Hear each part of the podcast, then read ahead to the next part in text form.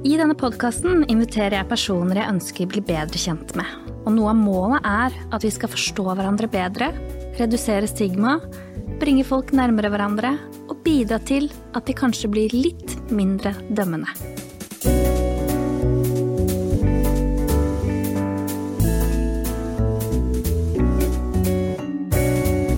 Du lytter til Snakk med Silje.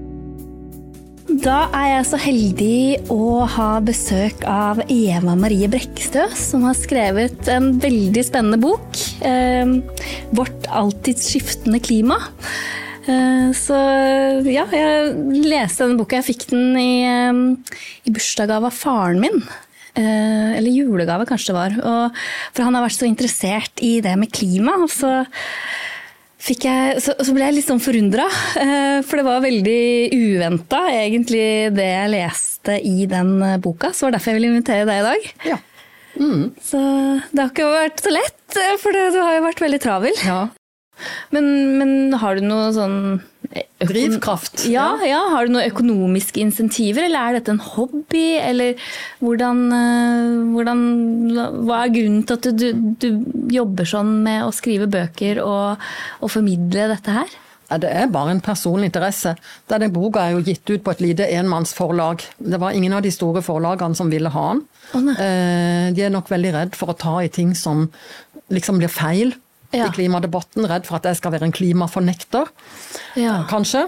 Ja. For å bruke et sånt ord. Eh, Men eh, lite grann eh, inntekter kan det jo kanskje bli fra den boka, da. Men det er, eh, ikke, det er ikke derfor jeg har skrevet den. Nei. Eh, Men, og når jeg holder foredrag, så har jeg aldri tatt betalt. Nei. Og jeg la meg gjerne invitere til fors- i forskjellige fora, enten det er- jeg har vært i eldresentre, jeg har vært i Rotary-klubber, jeg har vært i forskjellige foreninger. I utgangspunktet tar jeg ikke betalt for det. Nei. Og det Og det er ingen som har vært vil- med å finansiere boka di, eller Nei. Nei. Så det har vi bare foreleggerne med måtte gjort helt sjøl, og han var like interessert i dette som meg. Ja. Så vi- vi var liksom villige til å, til å satse økonomisk på det, da. ja. Og bruke tida, men det er først og fremst tid vi har lagt i det, ikke sant. Ja. Vil du si litt om hva du driver med til vanlig? Sånn, Ja, jeg har vært lærer i 40 år, nøyaktig. Løs på mitt 41. år nå i ungdomsskolen i Bærum. Og der eh, underviser jeg nyankomne innvandrerbarn og flyktningebarn. Så lærer de norsk da, helt, helt i begynnelsen når de kommer til, til skolen. Ja. Ja. Så da kan jeg skjønne at du har hatt mye å gjøre nå, med Ja. tanke på det som skjedde i Ukraina. Og... Ja, det har vært veldig mange, veldig, veldig mange elever. Nesten dobbelt antall av det vi har hatt i, i normalår da, siste året. Så det har vært nok å henge fingrene i. Og en veldig travel skolestart nå de første par ukene som vi holder på med nå. Ja, så Vi er jo litt sånn kollegaer i Bærum, men jeg har jo ikke sett noe til deg i, i den sammenhengen. Men jeg har skjønt at dere har hatt mye å gjøre, at det ikke var så lett å komme hit. Men jeg er så glad for at du da eh, avså en kveld her til å snakke Veldig med meg. spennende jobb, da. Det må jeg bare si. Jeg elsker jobben min, så jeg fortsetter selv om jeg egentlig er pensjonist. Ja. Så, eller snart i alle fall. Når Nå er pensjonsalder. Men jeg har jo også hobbyer. Og en av mine, mine hobbyer som jeg har hatt helt fra jeg var tenåring, det har vært historie. Alltid vært veldig, veldig interessert i historie. Og lest det meste av det jeg har kommet over. Eh, både romaner, særlig da jeg var ung, men etter hvert eh, mer og mer fagbøker egentlig om historie om historie, om eh, forhold for menneskeheten opp igjennom forskjellige steder på kloden, om eh, hvordan jordbruket har utvikla seg rundt omkring, de forskjellige sivilisasjonene, om kårene for enkeltmennesker også. Genetikk syns jeg er veldig spennende. Hvor kommer vi fra? Og så videre og så videre. Så jeg leser veldig mye eh, fagbøker, da. Og populariserte fagbøker. Ja. Um, ja, så mens jeg har holdt på i alle år å lese eh, historie, så har jeg notert meg litt etter hvert, så begynte jeg å notere meg eh, hvordan har klimaet vært? Og hva har det hatt å si? For det er en del opplysninger om det i forskjellige verk. Og så har jeg notert litt ned om det, og det begynte å bli ganske mye. Så for noen år siden, eh, et år eller to før koronaen, så begynte jeg å pusle med å systematisere de opplysningene litt. Og så holdt jeg et foredrag eller to rett før koronaen kom, om rett og slett eh, klimaendringer gjennom historien. Og så kom koronaen, og det ble slutt på å holde foredrag, og eh, alt ble helt stille. Og det ble til og med litt stille i jobben min, for det kom færre flyktninger og innvandrere til Norge. Så da tenkte jeg hm, kanskje jeg skulle samle dette i ei bok.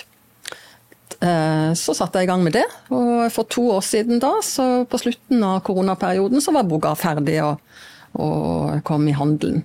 Ja, og det som var så spennende der, var jo måten du da så på de iskjernedataene fra Grønland og uh, Arktis, og, og klarte å og da egentlig sammen med ulike historiske nedskrevne ting og andre ting som vi visste om klimaet vårt. Eh, at du på en måte klarte å koble det sammen og egentlig da vise til at ja, disse iskjernedataene må jo stemme. Ja, for vi har jo kan du si, to typer eh, informasjon som kan si oss noe om, om klimaet gjennom historien. Og Det ene er nedskrevne kilder, menneskelige beretninger. og De fins ganske langt tilbake, flere tusen år tilbake. Fra Romerriket, fra, fra de minoiske tidene, fra det gamle Hellas, fra Egypt, så fins det mye skriftlige kilder. Og um, det fins noe som heter proxy-data. Og Det er data som framkommer gjennom forskning. Og det kan være alt fra, som du sa, um, kjerneboringer i isbreer i, på Grønland, i Antarktis, i Andesfjellene, på New Zealand. Alle steder det er isbreer av noe størrelse, så borer man ned og tar opp, tar opp iskjerner og analyserer de. Da kan man si ganske mye om eh, temperatur, til og med, kan man se fra de eh, prøvene. Så en, en, gammel måte å si noe om klima på, er sånne eh, årringer i trær. Der har man faktisk serier som går kontinuerlig flere tusen år tilbake. Fordi det finnes Man har funnet gamle trær som har vært eh, fossilisert, altså eh, som er bevart fra langt tilbake, som vokste for lenge siden. Man har eh, avleiringer i bunnen av innsjøer, avleiringer under havet. Man har dryppsteinsgrotter. Er også en, en dryppstein er en måte å få ut opplysninger om temperatur, nedbør, tidligere klima. Og eh, mange andre ting også som jeg nevner i boka.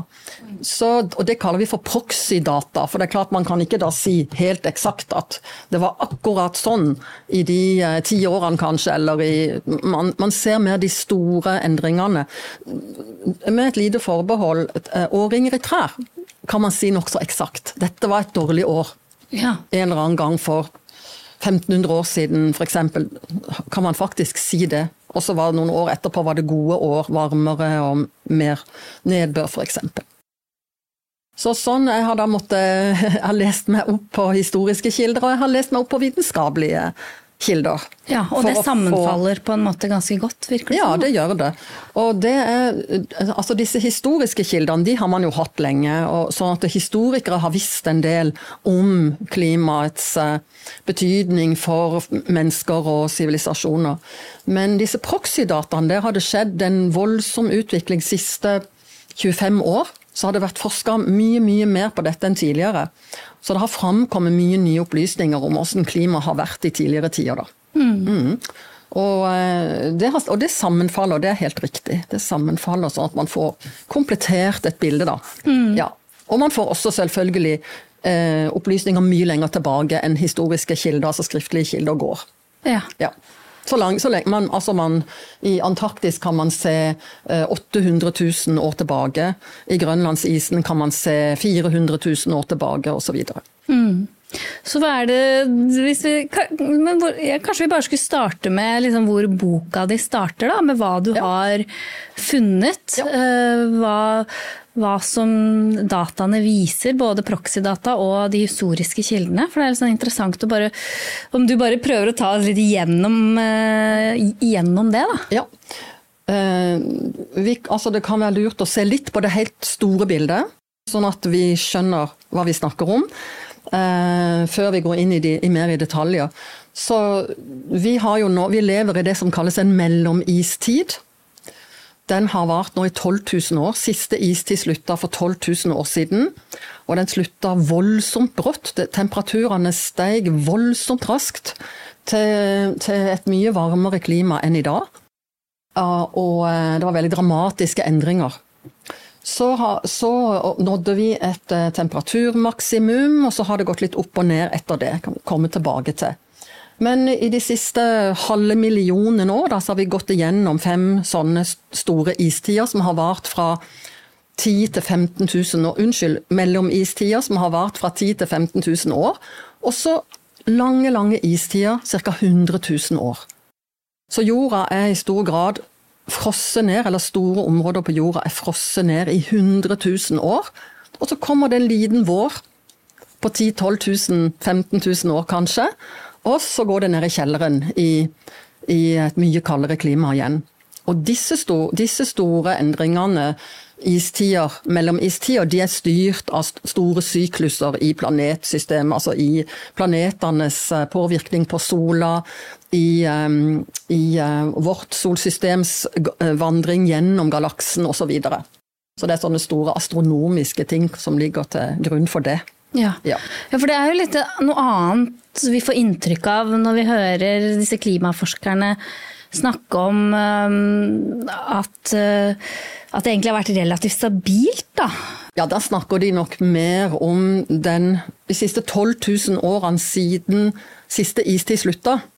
Da er det en del klimaforskere som har sagt at klimaet har vært relativt stabilt. Ja. De siste 25 årene har man fått eh, mye forskningsresultater sånn at, eh, som har fortalt oss hvordan klimaet har variert i den mellomistida vi er inne i nå, altså siden siste istidslutt. Så det vet vi en del presist om. Um, og det vi da vet, det er at det var et såkalt varmeoptimum 3000 år etter at istida var slutt. Og så gikk det ned i en kaldere periode, eh, som varte et par tusen år. Og så kom vi opp i en varmere periode igjen, eh, som vi faller sammen med bronsealderen. Da det ble veldig godt og varmt igjen. En, globalt en to grader varmere enn det er i dag. Og eh, på nordlige halvkule så mye som tre til fire grader varmere enn i dag.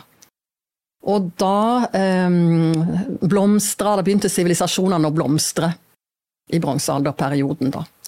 Tidligere, flere tusen år før det, etter siste istid, snakker vi jo kun om steinaldersivilisasjon, og det kan du ikke kalle steinalderperioder, det kan vi ikke kalle en sivilisasjon, egentlig. Nei. Nei. Nei så det, det, stemmer jo ikke helt det bildet da, av at det har vært så stabilt. Nei, og det er jo underbygd av helt sånne praktiske ting, som at for 4000 år siden så fantes det ingen isbreer i Norge. Og heller ikke i Alpene.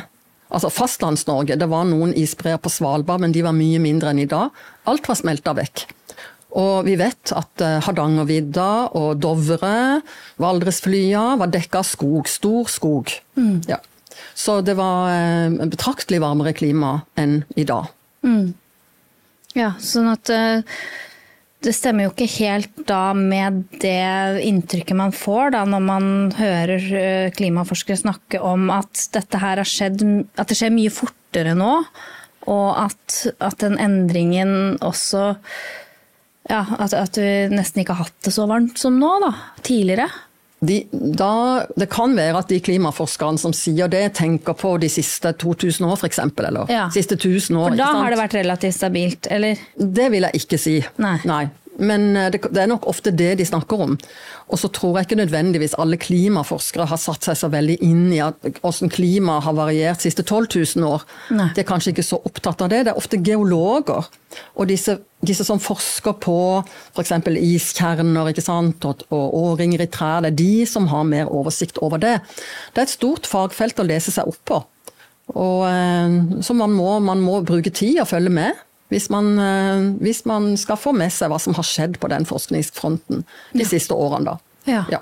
Så kan du fortelle litt om det? For vi har jo på en måte sett litt de store linjene ja. og, og, hvordan du har klart å, å sammenfalle det med, ja, med den historien. da. Jeg tenkte vi kunne starte egentlig med den altså Etter dette varme optimumet, sånn ca. 5000-4000 år før Kristus, så gikk verden inn i en, veldig, en mye kaldere og, kaldere og tørrere periode. unnskyld. Og det var ganske interessant, for da skjedde det store endringer klimatisk som betydde en del for at f.eks. den egyptiske sivilisasjonen vokste fram. Eh, før, eh, altså I den varme perioden, 6000-4000 år før Kristus, så var Sahara ikke en ørken, men savanne. Mm. Og det var flere store innsjøer, store elver der, og det bodde en del mennesker. Men så, når denne kraftige nedkjølinga og tørka inntreffer omtrent 4000 år før Kristus, så blir gradvis Sahara omdanna til en ørken. Og de menneskene må jo finne et sted å gjøre av seg, det er ikke næringsgrunnlag for de lenger i Sahara. Så de drar bl.a. til Nildalen. Og dermed starter den eh, egyptiske sivilisasjonen. Mm. Og i den veldig tørre perioden så er det nettopp at de store sivilisasjonene rundt elvedalene oppstår. Men kanskje vi, kanskje vi, først skal si noe om hva, hva mener vi med en sivilisasjon? For det jeg sa at uh, steinaldertida regner vi ikke som en sivilisasjon vanligvis. Mm. Det vi tenker på er en, eh, en, kultur som har hatt eh, bygninger, ofte ganske store, monumentale bygninger. De har hatt et skriftspråk, og de har drevet med jordbruk. Og ofte bysamfunn som har vært eh, lagdelte. Altså et, et klassesamfunn som oppstår som, som uh, uh, resultat av, av, at man driver jordbruk. Mm. Og de første sivilisasjonene som oppsto, oppsto rundt elvedalene i denne tørre perioden. Det var f.eks. Sumer, eller Mesopotamia, som, som var rundt, altså i nåværende, i nåværende Irak. Rundt Eufrat og Tigris-elvene. Så var det da i Egypt, som jeg sa. Rundt, eh, langs Nildalen. Så var det i eh, Indus, rundt Indusdalen. Og så eh, et stykke seinere, litt etter denne tørre perioden, så oppsto den fjerde store sivilisasjonen i verden, nemlig kines, den kinesiske kulturen. Ja. ja. Og der er det vel sikkert eh, masse dokumentasjon på hvordan egentlig klimaet har vært, da? Altså Fra denne perioden, når sivilisasjonene i Mesopotamia og Egypt oppstår, så har vi jo skriftspråk. Så de forteller ganske konkret om uår, om tørke, om hvordan Nilens eh, vannføring varierte.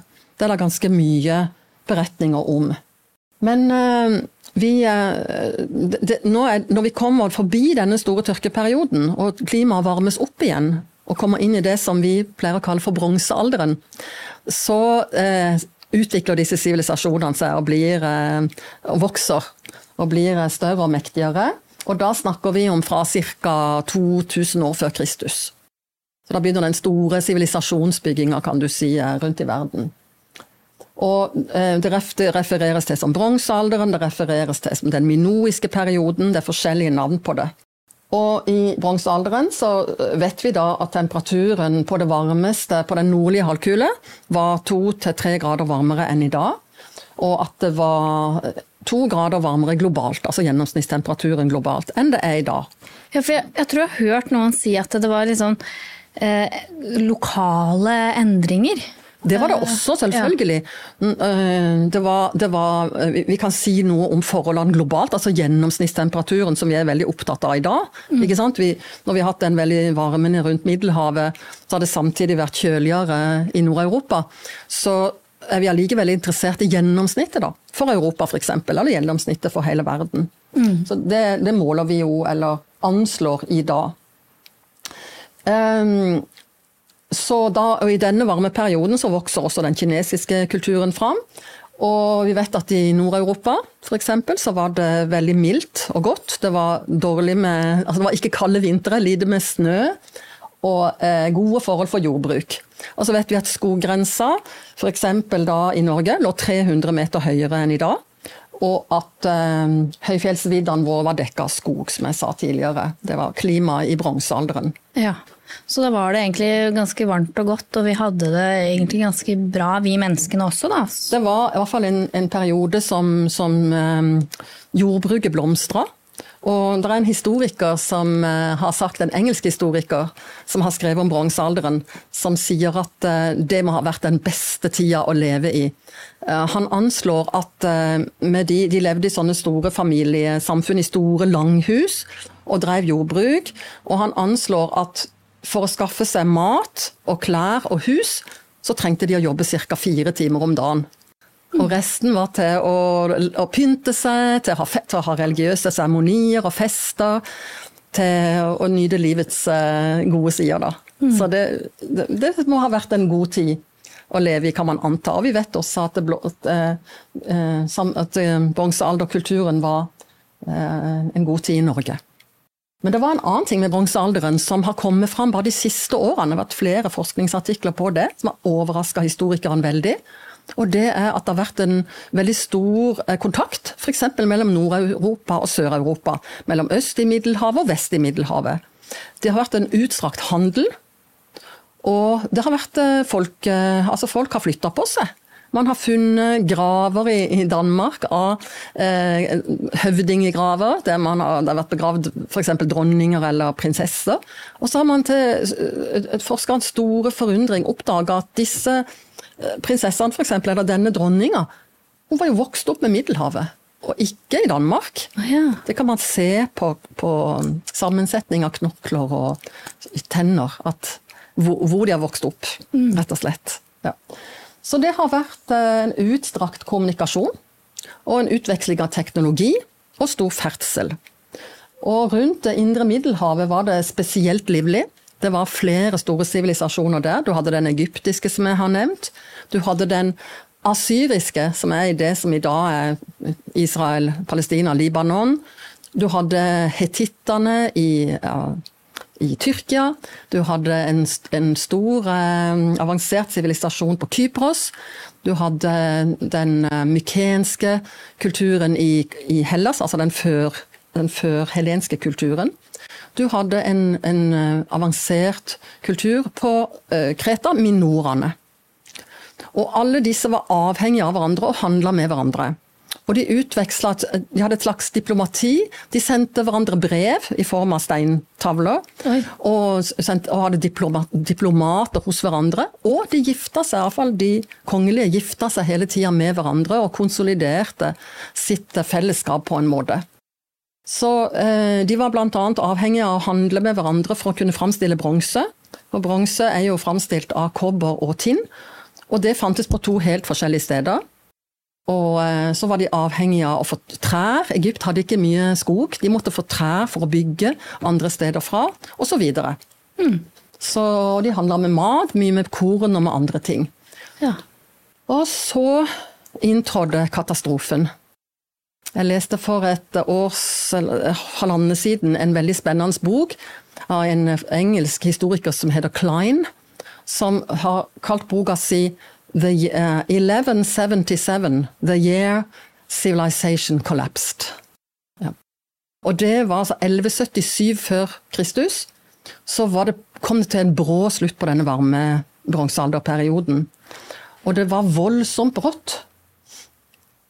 Temperaturen, Forskeren sier at de, de, har funnet ut i sånne sedimenter under havbunnen at temperaturen i sjøtemperaturen i indre Middelhavet sank med to til tre grader på bare noen få år. Ja. Og det er ganske dramatisk. Og at det ble eh, mye mer altså det ble, det ble, kaldere globalt, det vet de, og det ble mye mer is i Nord-Atlanteren. og samtidig inntrådte det det som det ofte gjør. Når det blir kaldt, så blir det også tørt. Så en 200 år lang alvorlig tørke starta da. Mm. De kaller det for en megatørke. Ja. ja. Så da kan jeg se for meg at det ble mye sult da, og ja. Så da sykdom? ble det jo total krise i alle disse kulturene rundt Middelhavet. Det vet vi pga. skriftlige kilder. Åssen det gikk i Nord-Europa, som kulda virkelig ramma hardt, det vet vi ikke, for det hadde de ikke skriftspråk. Men vi vet åssen det opplevdes rundt det indre Middelhavet i alle fall. Og de forteller jo da om eh, sult og nød, eh, sviktende avlinger, og at de prøvde å dra av gårde for å finne seg noen, noe bedre levevilkår, finne seg mat. Så de, de som hadde mulighet, reiste ut med båter. De hadde jo hatt en livlig sjøfartstradisjon allerede, og handel med, med båter. Så egypterne skriver f.eks. at sjøfolket kom og ville ta Egypt. Det kom ah. flåter ikke sant, og ville invadere Egypt. Det samme skriver, skriver andre av disse kulturene om. Og eh, det ble rett og slett krig og kaos. Og eh, folkevandring og migrasjon pga. Eh, et dårlig klima. Ja, Og da var det pga. kulde, ikke pga. Kulde og varme. tørke. Kombinasjonen kulde og tørke Ja. som er dødelig. Ja. Ja. Og dessverre ofte går hånd i hånd.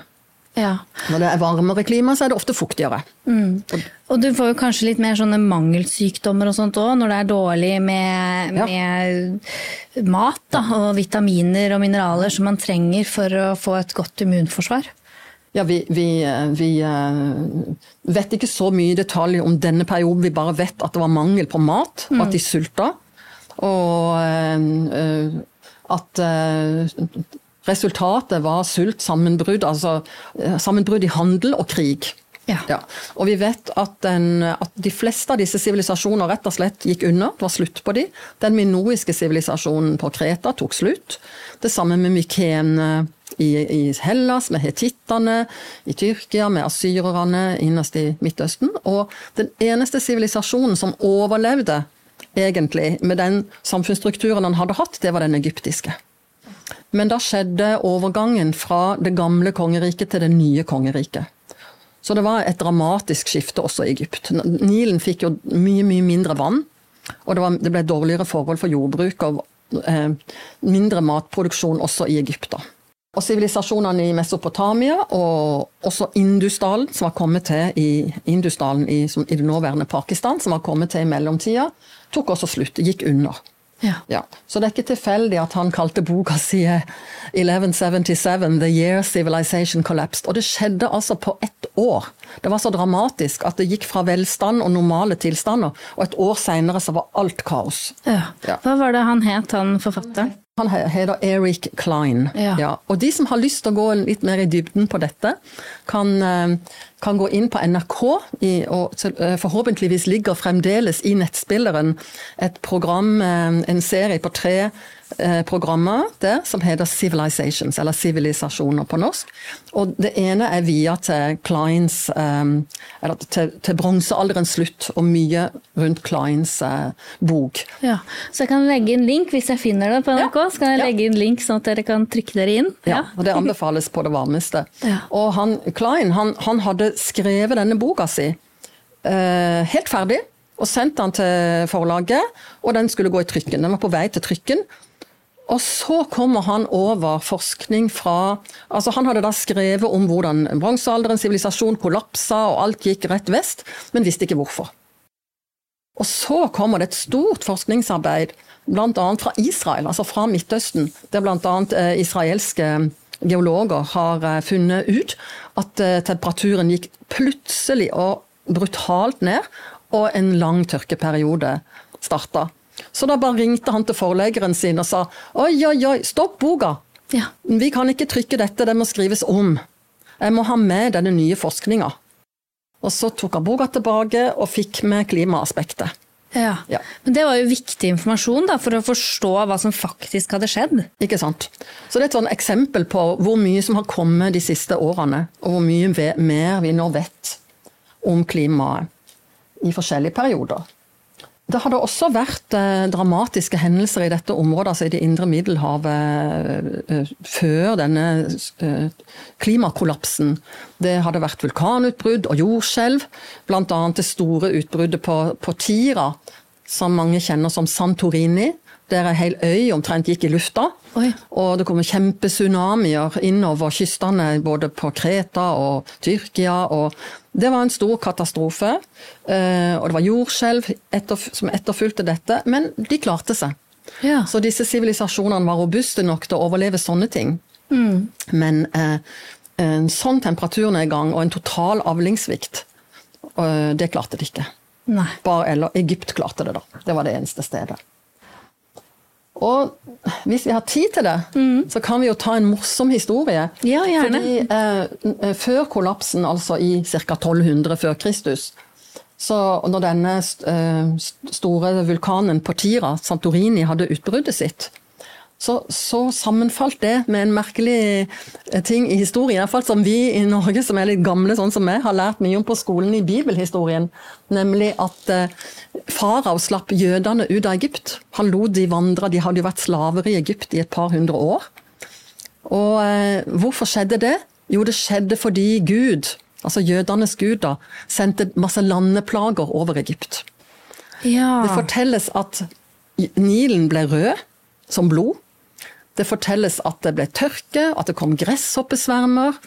Og at Gud virkelig visste at farao, nå er det på tide, la jødene gå. Mm. Det kan vi lese om i Bibelen. Ja, ja, det husker jeg. og um, så forskeren ble jo litt uh, syntes det var litt morsomt da når de oppdaga at det nedfallet fra Tira-vulkanen, Tira-vulkanutbruddet, det farga faktisk Nilen rød.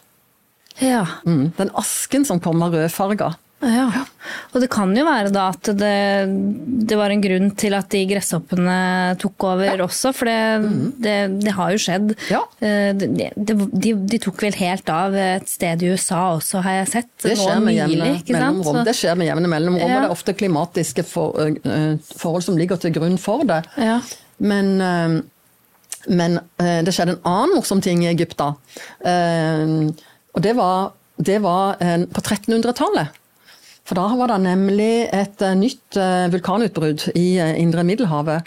Og det førte til, som det ofte skjer med kraftige vulkanutbrudd, at sola blir dimma ned. altså Det blir så mye partikler i atmosfæren at sola skinner ikke klart. Det er liksom dis foran, det kan være grått, det kan være rødt.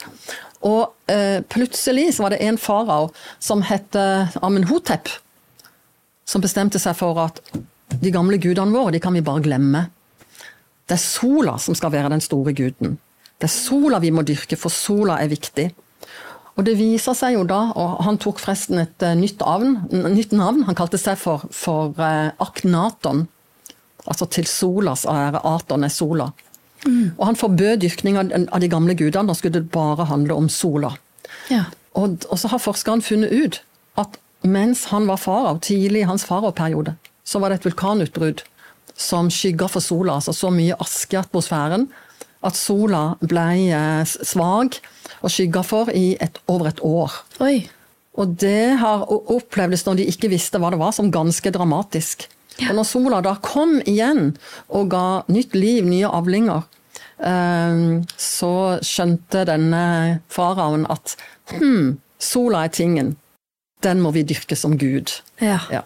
Så det i hvert fall det lurer flere historikere på, om det var en sammenheng der, da. Det er jo kjempeinteressant da, å se sånne sammenhenger, når det skjer ting klimatisk, og så kan man forstå hvorfor disse ulike personlighetene valgte de tingene de gjorde. Da. Og, og hvordan de forsto det som en sånn, gude, altså, sånn guddommelig ting. Og det er jo ikke rart, det, for det er jo sterke krefter i sving da, når det er vulkanutbrudd, når det er tsunamier, når det plutselig blir kjempekaldt eh, og det blir tørke. Ikke sant? Jo, og, og, og, når man før levde av jorda, stort sett der man bodde, og veksten, eh, veksten ble hemma eller ødelagt fullstendig, og man sulta, mm. så er det klart at det ble enormt sterkt. Og, og, det var akkurat som du sier, ganske vanlig, langt opp mot vår tid, å tenke at det var Guds straff det var Gud som straffa oss når det ble kaldere, eller når det ble tørke, eller når det ble flom. Eller, mm. Så det har menneskene trodd til alle tider. Og, det, og det har de trodd også i de gamle sivilisasjonene. Vi kommer litt tilbake til det etter hvert. Når denne kalde perioden inntrådte, da, sånn 1200 før Kristus, og, og, denne lange tørkeperioden, så var det dårlig med sivilisasjoner. Eh, og Egypt fortsatte. Ehm, men eh, mayakulturen eh, bl.a. vokste fram fra 300 før Kristus. Og sakte, men sikkert i, i ehm, Europa så eh, begynte den romerske kulturen, altså Romerriket, å vokse fram. Og også den greske kulturen. Romerriket begynte å ekspandere ca. 400 før Kristus. Og eh, vokste sakte fram mot sånn omtrent mot år null, altså fram mot uh, vår tidsregning. Men uh, det var en kortvarig nedkjøling. 43 før Kristus. så hadde nemlig en vulkan i Alaska som het Okmok, et kraftig utbrudd. Ja. Ja. Og da ble det noen år med kjølig og tørt klima, og det ble uro og angrep mot Romerriket. Så Romerriket hadde jo ofte uro rundt sine grenser, og det er bare morsomt å se at en klimatisk hendelse utløst av et vulkanutbrudd eh, påvirka og utløste eh, sånne, sånne krigshendelser og invasjonsforsøk mot Romerriket. da. Eh, Så var det sånn at eh, I år 43 før Kristus så, så førte dette til en oppsving for en ny keiser, nemlig Cæsar. Ja. Fordi han var hærfører, og han klarte å slå tilbake denne invasjonen fra nord. Ja. Og ble, eh, ble eh, da eh, stor helt av det, og blei den første keiseren i Romerriket. Ja. Men invasjonen fra nord, var det fordi det var så kaldt og de Ja. hadde så dårlige Ja. avlinger og sånn, så de måtte liksom finne nye plasser og, Ja. og få hva skal jeg si, rikdom fra? Eller? Ja, ikke sant? og finne mat. For at, Ja. når, det, når, når det kulde rammer Europa, så blir det mye mye tøffere i Nord-Europa enn i Sør-Europa. Selvfølgelig. Ja. Ja. for der har det alltid vært litt varmere. Ikke sant? Så det har de litt å gå på. Ja. Men når det blir kaldt i nord, så fører det ofte til total uh, sultkatastrofe. Mm. Og folk begynner å vandre. Stammer begyn- stammene begynte da å presse på fra nord for å prøve å innta Romerriket. Ja. Men, men sånne vulkanutbrudd, er det de som på en måte Er det ofte er det vanlig at det blir kaldt etter sånne utbrudd? Kaldt og tørt? Det er vanlig eh, med kortvarige konsekvenser av vulkanutbrudd. Ja. Det, eh, men merkelig nok så ser det ut til at det er når det har vært kaldt en stund, når vi har hatt en kuldeperiode en stund, så kommer de kraftige vulkanutbruddene. Oh, ja. På 1900-tallet, som vi har hatt et relativt mildt og stabilt klima, så har det nesten ikke vært vulkanutbrudd å snakke om. Ganske små vulkanutbrudd. Ikke, ikke kraftige, og få av de også. Så eh, det, det er interessant. Når når Cæsar kom til makta, så falt jo den romerske republikken, og det ble et keiserdømme. ja. Ikke sant? Han var første keiser, da, kalte seg Cæsar. Da eh, var det også tørke i forbindelse med det vulkanutbruddet, tørke i Egypt. Og eh, dette førte eh, til, til, til Egypts totale fall. Altså Nå tok Romerriket helt over styre og stell i Egypt. Og det ble en, en romersk republikk. Og i samme periode tok Kleopatra livet av seg. Er den siste egyptiske faraoen.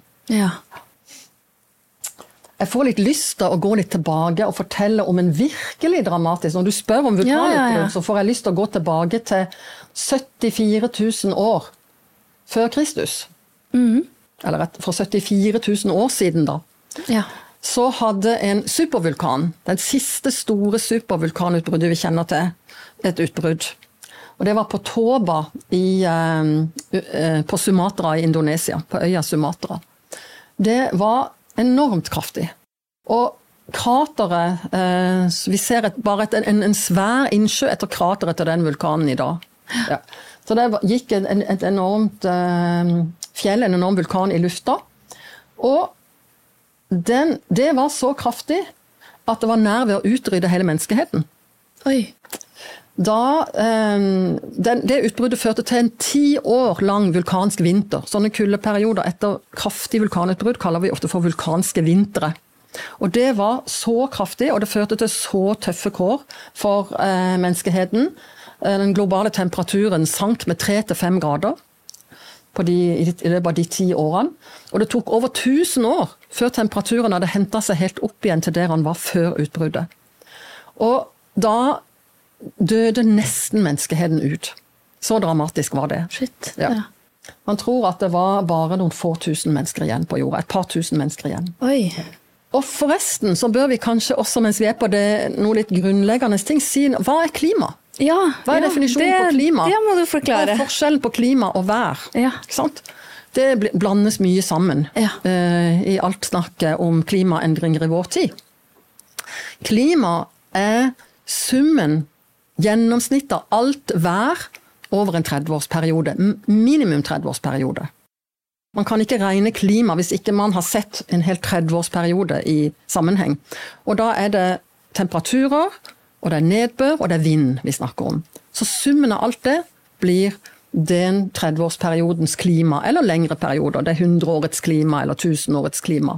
Mm. Og eh, Derfor syns jeg det er ofte litt frustrerende når, når, man snakker om det voldsomme regnværet som har vært nå på Østlandet. Man snakker om det som klima. Mm. Det er det jo ikke, det er vær. Ja. Og tørka eller, eller eh, varmen i Sør-Europa i sommer er heller ikke klima, det er vær. Ja. Mm. Først når det har gått 30 år, når vi regner inn 30-årsperiode, så kan vi se om det totalt sett ble våtere eller tørrere i den perioden, og om det ble kaldere eller varmere. Mm. Ja. Så vi må passe på begrepene. Ja, og det er det som er litt morsomt også, fordi når noen påpeker det, så er det sånn Å ja, er du en sånn der klimaskeptiker, du? Ja, det er litt sånn at man på en måte Jo jo, men eh, det, det, er jo ikke uvanlig at det kommer en eh, flom her og der, eller at det er eh, store nedbørsmengder over kortere perioder, på en måte. Det skal vi se mange eksempler på opp igjennom. Vi får kanskje komme oss videre. Ja. men begrepsforvirring, begrepsavklaring, ja. er fint å ha med seg. Mm. Når denne mm, varme, gode perioden satte inn da et par hundre år før Kristus, sivilisasjonene begynte å bygge seg opp igjen, så snakker vi om at, mm, at Romerriket vokste fram og ekspanderte. Og eh, vi kan også komme innom Hellas, som eh, også vokste fram og hadde en storhetstid på den tida. Eh, helt fram til år 30 før Kristus, da det ble lagt under Romerriket. Ja ettersom det ekspanderte. Demokratiet i Hellas vokste fram. Og også demokratiet i Romerriket før Cæsar tok makta og det ble slutt på republikken. Mm. Akkurat i disse varme årene. Eh, varme, disse varme 200 årene før Kristus. Og bygging av Parthenon, det store eh, greske tempelet i Aten. Ja. Også i denne perioden. Akkurat. Og masse flott, flott arkitektur i, i Romerriket også sivilisasjonen i Kina har vi snakka om, men også i denne samme perioden, sånn 300 år før Kristus, så begynte man å bygge den kinesiske muren. Mm. Ja. Så det var også en, eh, et, stor, et stor bragd ja. som man da hadde råd og overskudd til i denne perioden. Og den første egentlige rikssamlinga og det, eh, begynnelsen på keiserdømmet i Kina starta også i denne perioden, sånn et par hundre før Kristus. Og så oppsto det i Romerriket en veld, altså den aller beste tida, sier man, fra ca. år 0 og til 200 etter Kristus. Pax Romana. Altså romerfreden kalles denne perioden. Da hadde jo Romerriket lagt under seg hele middelhavsområdet. Ja. Og det var, det var, fred, det var ikke noen store angrep utenifra. Og det var gode tider, gode avlinger, handel og velferd. Mm. Og velstand. Ja. Det var eh, stabil nedbør, sier de skriftlige kildene. Og vi vet at i Egypt så var det stabil vannføring i Nilen. Ja. Ja, og dette var en varm periode. Varmere enn i dag. Så 200 år, da.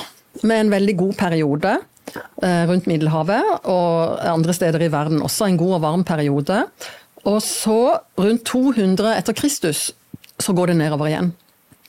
Det begynner å bli kaldere, det skjer i hele Europa, vet vi, og det skjer det er beskrevet i skriftlige kilder eh, eh, rundt Middelhavet. Og gradvis fram mot 400-tallet så blir det kaldere og kaldere og mer utrivelig. Og hva skjer da? Folk begynner å flytte på seg. De vil gjerne finne bedre kår. Og spesielt fra nord og sørover.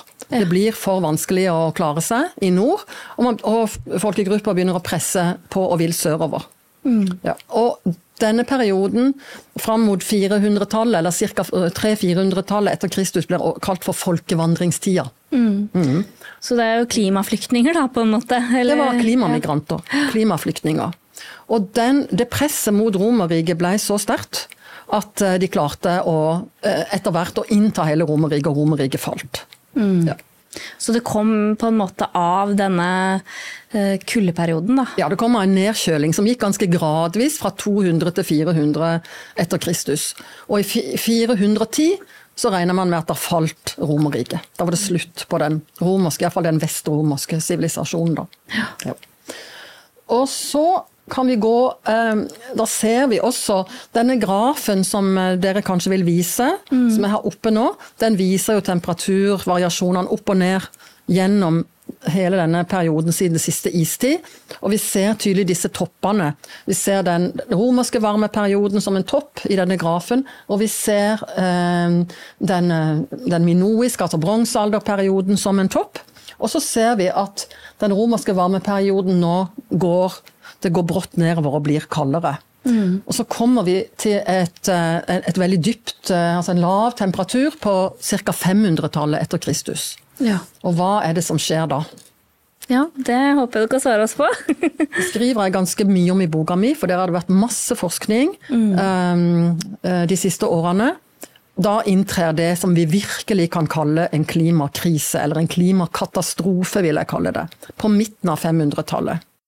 Temperaturene hadde gått sakte ned, og som jeg sa i stad, det er ofte når temperaturene har sunket en stund, at det plutselig kommer voldsomme vulkanutbrudd. Dette er det flere forskere som undrer seg på. Hvorfor, hvorfor kommer det flere vulkanutbrudd når det har vært kaldt en stund? Det er det ikke foreløpig ikke noe svar på. Det skjedde et eller annet helt dramatisk på midten av 500-tallet. Temperaturen sank voldsomt raskt, og det ble veldig kaldt. Og avlingene svikta, det ble sult. Dette har vi fra, fra historikere rundt Middelhavet f.eks. som skriver om dette i samtidige kilder. Temperaturen globalt falt brått med to til tre grader. Ja. Det er ganske mye. Det er ganske dramatisk. Og i Norden så falt temperaturen med tre til fire grader. Ja, og det skjedde på et år eller to. Ja. Uh, og i Norden var det så dramatisk at somrene faktisk uteblei. Shit. Vi hadde tre vintre på rad uten sommer imellom. Oi. Ja. Men hvordan vet de det, da? At det kan de se f.eks. på årringer i trær. Mm. At trærne slutta så, så, å si helt å vokse. Ja. ja. Og så har de eh, Arkeologene sier at det er plutselig 150-200 år fra midten av 500-tallet der det ikke er noe arkeologiske funn i Norden i det hele tatt. Oi. Det ser ut til at alle menneskene har forsvunnet. Yes. Så hva, hva skjedde? Mm. Arkeologene sier at eh, de kan se at det tidligere jordbruksområder grodde igjen. Det grodde, eh, vokste skog på steder som det hadde vært korndyrking og flotte forhold. Til og med på Jæren, altså det aller sørligste og kanskje aller best om, beste området klimatisk for jordbruk i Norge, så ser det ut til at det nesten ikke har vært mennesker igjen. Oi. Gårdene ble forlatt, dyrene har forsvunnet, og det vokste igjen med skog. Man vet også fra andre steder det er beskrevet, f.eks. i Kina fra denne perioden, at det falt snø midt på sommeren. Ja. Og man vet fra Kina, Peru og fra Midtøsten og fra Persia, altså eh, Irak, Iran, at det var eh, flere år med alvorlig tørke. Fra skriftlige kilder der. For nå er vi kommet til en periode der det er, der det er mange skriftlige kilder. Nå er det en del historikere som lurer på om kan, denne perioden kan være opphavet til beretningen om Fimbulvinteren fra norrøne kilder. De beskriver Aha. nemlig en periode da verden omtrent gikk under, og da det var flere vintre på rad uten sommer imellom. Det kan ha vært denne perioden. Vi vet fra Sør-Europa at det var sult. Og så, som du nevnte tidligere, når folk har sulta en stund, hva skjer? Immunforsvaret går jo i kjelleren og sykdom oppstår.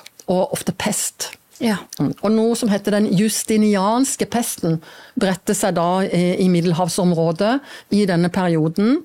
Og helt i de siste årene så har forskerne også funnet ut at den justinianske pesten har fått navnet etter en keiser, romersk keiser som heter Justinian. Også kom helt til Nord-Europa, også til Norden. Akkurat. Og i, rundt eh, Middelhavet tok denne pesten livet av rundt 70% av befolkninga. Shit, ja. Så det var ja. Ganske tøff periode å leve. Uh, mange historikere sier at dette må ha vært den verste perioden, den verste tida å leve noen gang på denne kloden, etter at menneskene kom mm. hit. Kanskje bortsett fra, fra 74 000 år siden. Ja, etter det ja, vulkanutbruddet. Ja, men i, i nyere tid, da. Ja. Hva skyldtes det? Det hadde jo blitt delvis kaldere, så gradvis kaldere en stund, men det var da altså dette dramatiske temperaturfallet midt på 500-tallet. Jo, nå vet man at det var to kjempevulkanutbrudd. Akkurat. Som skjedde. Ja. Ett i 535 eller 536 i eh, Mellom-Amerika. Og ett på Island. Eh, antageligvis i 541. Og da var det en av de store vulkanene på Island som heter Katla, som gikk i lufta. Med et gigantisk utbrudd. Og det som da skjer, er at eh, aske og partikler fra disse vulkanutbruddene sprer seg. Det tar litt tid før de sprer seg rundt i hele atmosfæren og påvirker hele jorda. Men det fører til at det kommer mindre sollys på jorda, og at temperaturen faller. Så da er det liksom rett og slett at, at sola ikke får varma opp jorda? Ja, rett og slett. Ja. Og vi hadde det, fra nyere tid Jeg leste nettopp en artikkel nå fra, fra Science, der en eh, der en forsker skriver om det, det eneste vulkanutbruddet av noe betydning på 1900-tallet, som skjedde i, um, på Filippinene i 1992. Vulkanen heter Pinatubo. Det var sånn forholdsvis kraftig. Om ikke den fine OL-vinteren i Norge 1994 skyldtes det vulkanutbruddet. Akkurat. Ja, for det førte til at det ble kaldt. Mm. En, en, en, halv grad gikk temperaturen ned, og det varte sånn i, i et par år. Ja, så... Etter bare den lille prompen der, altså, på, på eh, Nei da, det var, et, det var et kraftig utbrudd, men ingenting sammenligna med dette i 536. Nei. Nei. Nei. Så det var liksom nok da, til at uh, vi fikk noen fine vintre med mye snø ja. på 90-tallet? Og blant annet den flotte vinteren på, som vi fikk til OL på Lillehammer i 94. Kanskje. Mm. Det er ja. forskning rundt det. Ja. Og jeg vet ikke om jeg kan nevne det, men en artikkel som jeg leste bare for et par dager siden, det var om et stort vulkanutbrudd, veldig rart vulkanutbrudd, i eh, Tonga i Stillehavet nå i januar. Oh, ja. eh, der det var et undersjøisk vulkanutbrudd. Det var ca. 150 meter under havoverflaten. Og eh, Det kom en sånn voldsom trykkbølge som spredde seg eh, utover kloden. Uh, de kunne merke det på sånne trykkmålinger helt til, til våre områder. Fordi denne, dette måtte komme opp gjennom 150 meter med sjøvann. ikke sant? Mm. Og, og, da kom det opp som en voldsom bølge, men ikke en sånn stort aske eller andre partikler som kom ut. Men derimot så har eh, NASA har en sånn meteorologisk eh, tjeneste. De sier at fuktigheten i atmosfæren har det, det ene vulkanutbruddet fikk fuktighet i atmosfæren, altså vanndampen, til å øke med 13 For alt dette sjøvannet ble slengt ut i atmosfæren. Ja. Og noen har begynt å lure på, dette er bare spekulasjoner foreløpig, om dette kan ha å gjøre med de voldsomme nedbørsmengdene over Nord-Europa nå i sommer. Og for det har nemlig også skjedd over California. Sist vinter og nå i vår. Det er helt usedvanlig mye nedbør.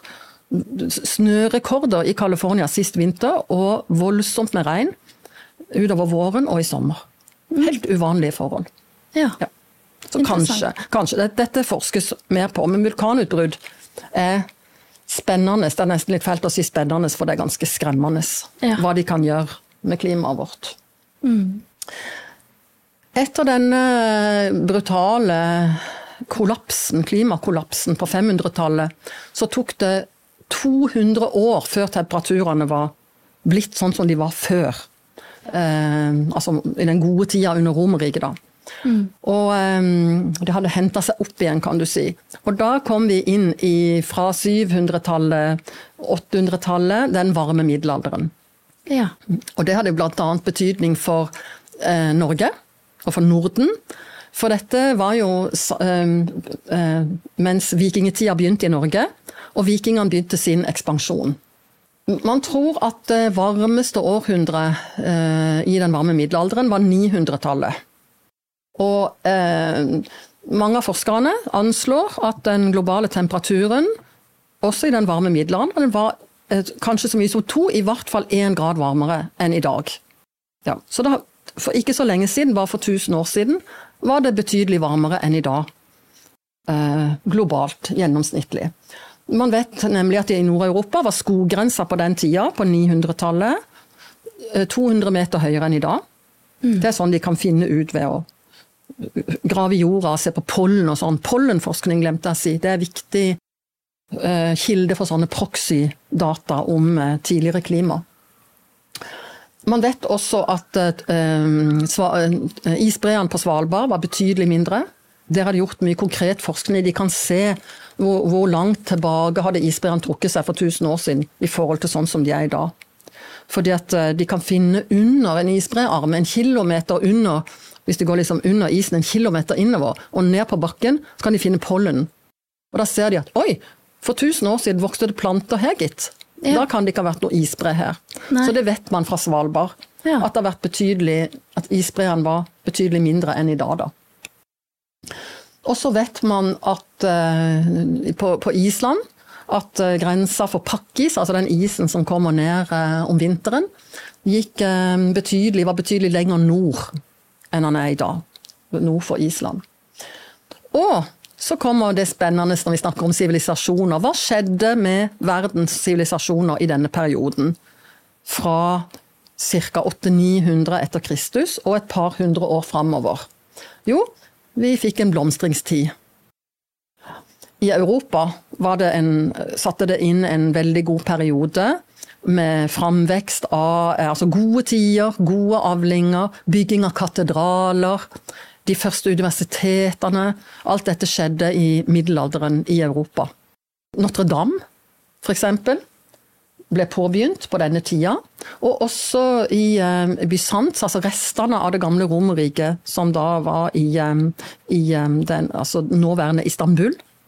Der var det den vesteromerske keiseren holdt ut helt til, til, den perioden, og de bygde disse fantastiske store kirkene. Hagia Sofia og så videre. Og hva med Norge? Jo, vi hadde jo vikingene som begynte å reise ut. Det ble folkevekst i Norge. Befolkningsvekst pga. gode tider. Eh, god, god periode for jordbruket. Og vikingene reiste jo ut til mange steder i verden. skal vi komme tilbake til. Det ble også en stabil periode politisk i Norge. 1000-tallet til 1200-tallet var, var liksom kongemakten i Norge stabil.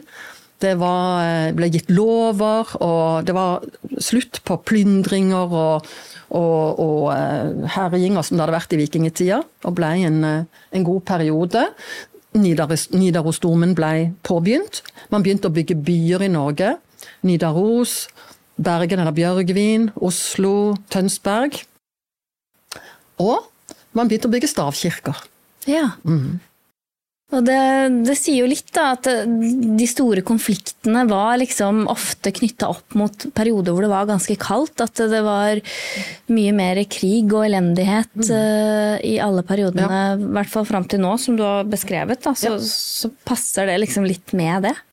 Det er det det gjør. Det eneste du kan si, det er at uh, for Norges del, eller for Nordens del, når det ble en sånn, når det ble en sånn uh, god periode, så vokste folketallet veldig. Ja. Og det førte jo til noen negative konsekvenser for uh, de som ble besøkt av våre vikingetokter. Altså, vikingene de ble, de ble så mange at de ville ut. Måtte ut og finne seg nye steder å bo. Mm. Så det var jo ikke så veldig positivt og hyggelig for England for, eh, for eh, Frankrike, for eh, Russland, der, der vikingene erobra mm. og plyndra og holdt på. Ja. Så de Men det skyldtes jo befolkningsvekst, tror man da. Ja, Voldsom befolkningsvekst okay. ja. i Norge. Ja. Så det var ikke bare fred og fordragelighet? Nei. Nei. Nei. altså De tok det ut, da, for å si det sånn. Mm. Det var liksom fred og fordragelighet i Norge på mange vis. Stabilt. Mm. Men de måtte jo ekspandere og ville ut. Ja. I denne perioden ble det dyrka hvete i Trøndelag. Og både i Sør-England og i Skottland så ble jorda dyrka betydelig høyere over havet enn i dag. Man drev med vinproduksjon, vindyrking i England, i Sør-England. Eller egentlig ja. ganske langt nord. Ja. Og uh, i Tyskland ble det dyrka vin og, uh, flere hundre meter høyere opp enn det gjør i dag. Ja, Så det sier jo litt om hvor varmt og godt det klimaet var, og hvor gode ja. vekstvilkår det var for, vin, uh, altså for vindruene. Ja. ja, nettopp. Og til og med i Sør-Norge. Helt i, på Sørlandet ble det dyrka vin. Oi, ja. Mm, I ganske systematisk vis. Så det er nesten litt sånn type klima som vi har eh, i Sør-Europa nå, da? Det var, nok, det var nok et ganske stabilt og godt klima. Eh, særlig på 900 000-tallet. Kanskje aller varmest på 900. Men eh, når vikingene f.eks. bosatte seg på Grønland, ja. det var jo et av stedene de dro og tok nytt land, ikke sant? så dyrka de korn. Det har man ikke visst før de siste årene man har funnet at de faktisk dyrka ikke hvete, men bygda på ja. Grønland. Og det er ikke mulig i dag. Nei. Nei, av klima. Man vet at temperaturen den gangen da, på 1000-1100-tallet var omtrent 1,5 grader varmere enn i dag. Ok. Så isbreene var jo også, eller isbrearmene var betydelig mindre, da, dekka mindre områder langs kysten av Grønland. Det var også gode tider andre steder i verden. I India og Kina annet. For når det er varmt, så er det ofte rikelig med nedbør. Og eh, da blir eh, monsunen i Asia stabil. Og det er lettere å dyrke ris og korn i disse områdene. De får gode avlinger. Så dette betydde mye, både i Kina og India og i de områdene de dyrka mye ris. Hvorfor blir, det, hvorfor blir det mer nedbør når det er varmt, Ja, det lurer jeg på. og tørt når det er kaldt? Ja, Ja. Vet du det, eller? Jeg vet litt. Jeg er jo ikke Ja. noen natur, eh, det er ikke naturvitenskap som er mitt felt, men jeg har jo lest en del, så jeg vet litt. Og det er jo rett og slett at det fordamper mer vann Ja. når det er varmt. ikke sant? Det kommer mer vann opp i atmosfæren, og det må jo ned igjen. Jeg ønsker å takke alle dere som har støttet podkasten min med en pengegave. Det setter jeg enormt stor pris på. Målet med denne podkasten er på ingen måte å tjene penger, men det koster litt å lage podkast. Å leie studio, filme og redigere både lyd og bilde. Og Derfor er jeg veldig takknemlig for alle som ønsker å bidra. Det gjør at jeg kan holde den åpen og tilgjengelig for alle. Eh, Og om det er flere som setter pris på podkasten min, så har dere mulighet for å donere penger i VIPS ved å søke opp 'Snakk med Silje', eller bruke VIPS nummer 806513. Og husk å skrive hvem det er fra og nummeret ditt, sånn at jeg kan få takka deg personlig. Også andre steder i Asia, du har kanskje hørt om Angkor Wat i dagens Kambodsja. Noen enorme anlegg som det er masse ruiner av i dag. Da. Noen enorme byer. Svære, svære områder. Denne sivilisasjonen var grunnlagt på risdyrking. De lagde enormt eh, kunstige innsjøer og vanningsanlegg og fordelte vannet utover eh, jordbruksområdene. Og eh, dette området med ruiner og, og byer og religiøse sentre dekka 400 kvadratkilometer. Så det var en, en kultur vi tror oppsto pga. den rigelige tilgangen på grunn av vann, av vann da, og den stabile monsunen. Vi vet også at det var et gunstig klima i Sør-Amerika på denne tida. Var, der var det også høyere temperaturer eh, enn i dag, og det var stabilt med nedbør. Og en kultur, en, en ganske avansert kultur som vi ikke hører så mye om vanligvis, som heter Chimo-kulturen, vokste fram i den perioden med ganske store byer, store jordbrukssamfunn. Ja, Så da fortsatte det liksom å vokse nye sivilisasjoner til, da? Ja. På, og, og det var eh, Chimo-kulturen som på en måte Inkariket senere, eller etter hvert bygde på, fra 1100-tallet og utover. Ja. Men i denne perioden så var det også steder på jorda det ikke var gunstig klima. Det er ikke helt likt overalt eh, hele tida. Det er ofte regionale forskjeller, og i Mellom-Amerika var det tørt på denne tida. Og det førte til mayakulturens fall. Den, den falt allerede fra, fra, eh, fra 900-tallet, altså satte det inn med alvorlig tørke i, i Mellom-Amerika. Og mayakulturen klarte seg ikke lenger. Nei. Vet du, disse flotte, store templene de har gravet fram inn i jungelen. Og, Ja, ja, ja. den flotte sivilisasjonen. Ja, så det, Og det var jo egentlig samtidig som det var varmt andre steder på kloden. Og, og varmt og fuktig, eller varmt med, med stabil nedbør, så var det tørt i dette området. Ja. Av en eller annen grunn.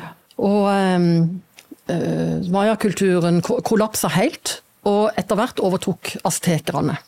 I samme område. Ja, så dette var jo en tid hvor det var hvor eh, flere sivilisasjoner blomstret rundt, men hvor lenge varte denne perioden, da? Nei, Den varte sånn fra omtrent eh, 800-tallet etter Kristus og fram til sånn begynnelsen av 1200-tallet. Ja. Da begynte det å bli ustabilt. Da ble det et ustabilt klima. 1200-tallet var eh, prega av mye fram og tilbake. Veldig kalde år, varme år, tørre år, fuktige år. Og et fryktelig stort vulkanutbrudd som skjedde på midten av 1200-tallet. Da opplevde vi plutselig i Europa, vi ser fra skriftlige kilder, at det ble fryktelig kaldt. Det ble frost midt på sommeren flere steder. Og, og eh, det ble eh, voldsomt fuktig. Fuktig, regna, regna, regna på sommertid. Iskaldt om vinteren. Ja. Det ble bare ordentlig utrivelig. Ja, Så fra år til år, og egentlig årstid til årstid, så ble det ganske store svingninger, da. Ja, Det ble liksom villere og, og, og, og mer uforutsigbart Ja. gjennom 1200-tallet. Det ble voldsomme stormer, masse veldig ustabilt på det området også. Og eh, det, Man vet fra skriftlige kilder at eh, disse stormene førte til at tusenvis av mennesker døde langs kysten av England, Nederland, Tyskland osv. Så, videre. så det var eh, ikke så trivelig lenger. Og da også kan et stort vulkanutbrudd ha hatt mye å si. Ja. Uh, i, og det var et vulkanutbrudd i Indonesia som skjedde fra 1257 til 1258. Det var kraftig. En vulkan eh, i, på ei øy Lombok ligger ved Bali. Og uh, det fikk konsekvenser, også sånne kortvarige, veldig dramatiske konsekvenser, f.eks. i Europa. Forskerne har funnet, bl.a. i London, sånne kjempemassegraver. Oi. Med tusenvis av mennesker som plutselig døde, og de lurte på eh, altså det er sånn 1200, Slutten av 1250-tallet. Hva skjedde? Var det ny pest, eller hva skjedde? Ja. Og så, for noen år siden, det så jeg et veldig spennende program om på National Geographic, så fant de svaret. De kobla det med denne, dette vulkanutbruddet i Indonesia i 1257 til 1258. Ja, og hva, Hvordan påvirket det menneskene, da, dette vulkanutbruddet? Vi vet bare at det ble kaldt, plutselig veldig kaldt. okay. i et par år at avlingene svikta eh, i Nord-Europa. Og vi har da funnet disse massegravene i, eh, i England som et konkret bevis. Ja. Og man kan se, altså Det ble mye partikler i atmosfæren. Man, man kan rett og slett se på, på, ofte på sånne iskjerner helt oppe på Grønland, så finner man igjen partikler fra det spesifikke vulkanutbruddet. Så man vet akkurat når det skjedde, og at det kom så langt nord og så langt av gårde som Nord-Europa. 1200-tallet eh, slutta ganske varmt og behagelig. Menneskene begynte åh, tenke nå er vi over det verste. Sånn eh, 1280- og 90-tallet så var det behagelig og varmt og stabilt igjen. Og så plutselig så inntreffer katastrofen. Fullstendig fra begynnelsen av 1300-tallet. Da starter det som vi vanligvis kaller for den lille istida. Okay. Og den varte jo i 500 år. Og det var et forferdelig ustabilt og brutalt klima i hele den perioden. Det varierte veldig mye. Eh, Og det var ikke sånn at Altså, vi pleier å si at det var én til to grader kaldere globalt enn det er i dag. Men det var ikke sånn at det var like kaldt alle steder hele tida. Nei. Nei. Det gikk, kunne være én periode av de 500 årene som var kaldest f.eks. på New Zealand, en periode som var kaldest i Sør-Amerika, og en periode som var kaldest i Nord-Europa. Det, det er, men det var en, en, eh, global kaldere, en globalt kaldere periode i de 500 årene, i snitt. De eh, forskerne som har skrevet om dette, sier at én ting var at det ble kaldt, men det verste var at det skifta så fælt. At det var så brå og voldsomme skiftninger, og at det var så uberegnelig. Det gjorde det veldig vanskelig Ja, Du kunne liksom ikke forberede deg på noe, for plutselig så ble det mye kaldere og uten at det var noe forvarsel. Mm, og så var det tørke det ene året, voldsomme nedbørsmengder det andre. Ja. Og de levde jo av å dyrke jorda. De aller fleste menneskene var jo bønder. Ja. Så ganske tøft.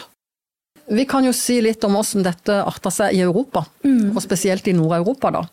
For der har vi mange gode skriftlige kilder, bl.a. klosterårbøker. Å ja. Vi er, vi er nå på 1300-tallet. ikke sant? Eh, Nord-Europa var fremdeles katolsk, og det var klostre. Og de var nøye, de skrev dagbøker på en måte eh, om hvordan var været, hva skjedde, og store hendelser osv. ja, spennende. Da Da har du jo masse informasjon om eh, hvordan eh, ståa var. Ja, og man regner de som ganske pålitelige, disse klosterårbøkene. De forteller at første tiåret på 1300-tallet ble det voldsomt kaldt i Nord-Europa. De hadde jo ikke termometre, ikke sant? Men de forteller at eh, klosterårbøker fra blant Tyskland, Sverige og Island forteller at det var ekstrem frost og den verste kulda i manns minne. Østersjøen f.eks. var dekka av tjukk is i mange måneder hver vinter. Man kunne ri med hest og slede, eller dra med hest og slede fra Nord-Tyskland og over til Danmark Oi, såpass. på vinteren. Ja. De sier at isen lå mer enn meter tykk i Østers, Østersund, altså mellom Sverige og Danmark. Eh, mellom København og Skåne, ikke sant? Ja. Og, um, de, Ja, Det er ganske og, store områder, da. ja, og man vet at isbreene vokste dramatisk. Bare på det tiåret så begynte isbreene å øke. Og um, til og med i Adriaterhavet, altså havet mellom Italia og uh, Kroatia, uh, Hellas, ikke sant? Ja. Albania, var det is om vinteren. Yes. Flere vintre var det isdannelser der. Det er ganske drøyt. Det er ganske drøyt. Det har man skriftlige kilder på. Og på Island, da bodde det jo mennesker. sant? På Island hadde bodd mennesker nå i 200-300 år. Der skrev de også at eh, øya var helt innefrosset om vinteren. Det lå is rundt, havis rundt hele Island. Yes. Så det var, det var betydelig kaldere enn i dag. Så kom det et tiår så det ble forferdelig vått. Det var også kaldt om vinteren. Nå var Themsen Det skrives i London at Themsen var islagt hver vinter med tjukke is. Ehm, Men man skriver også om forferdelig nedbør om sommeren.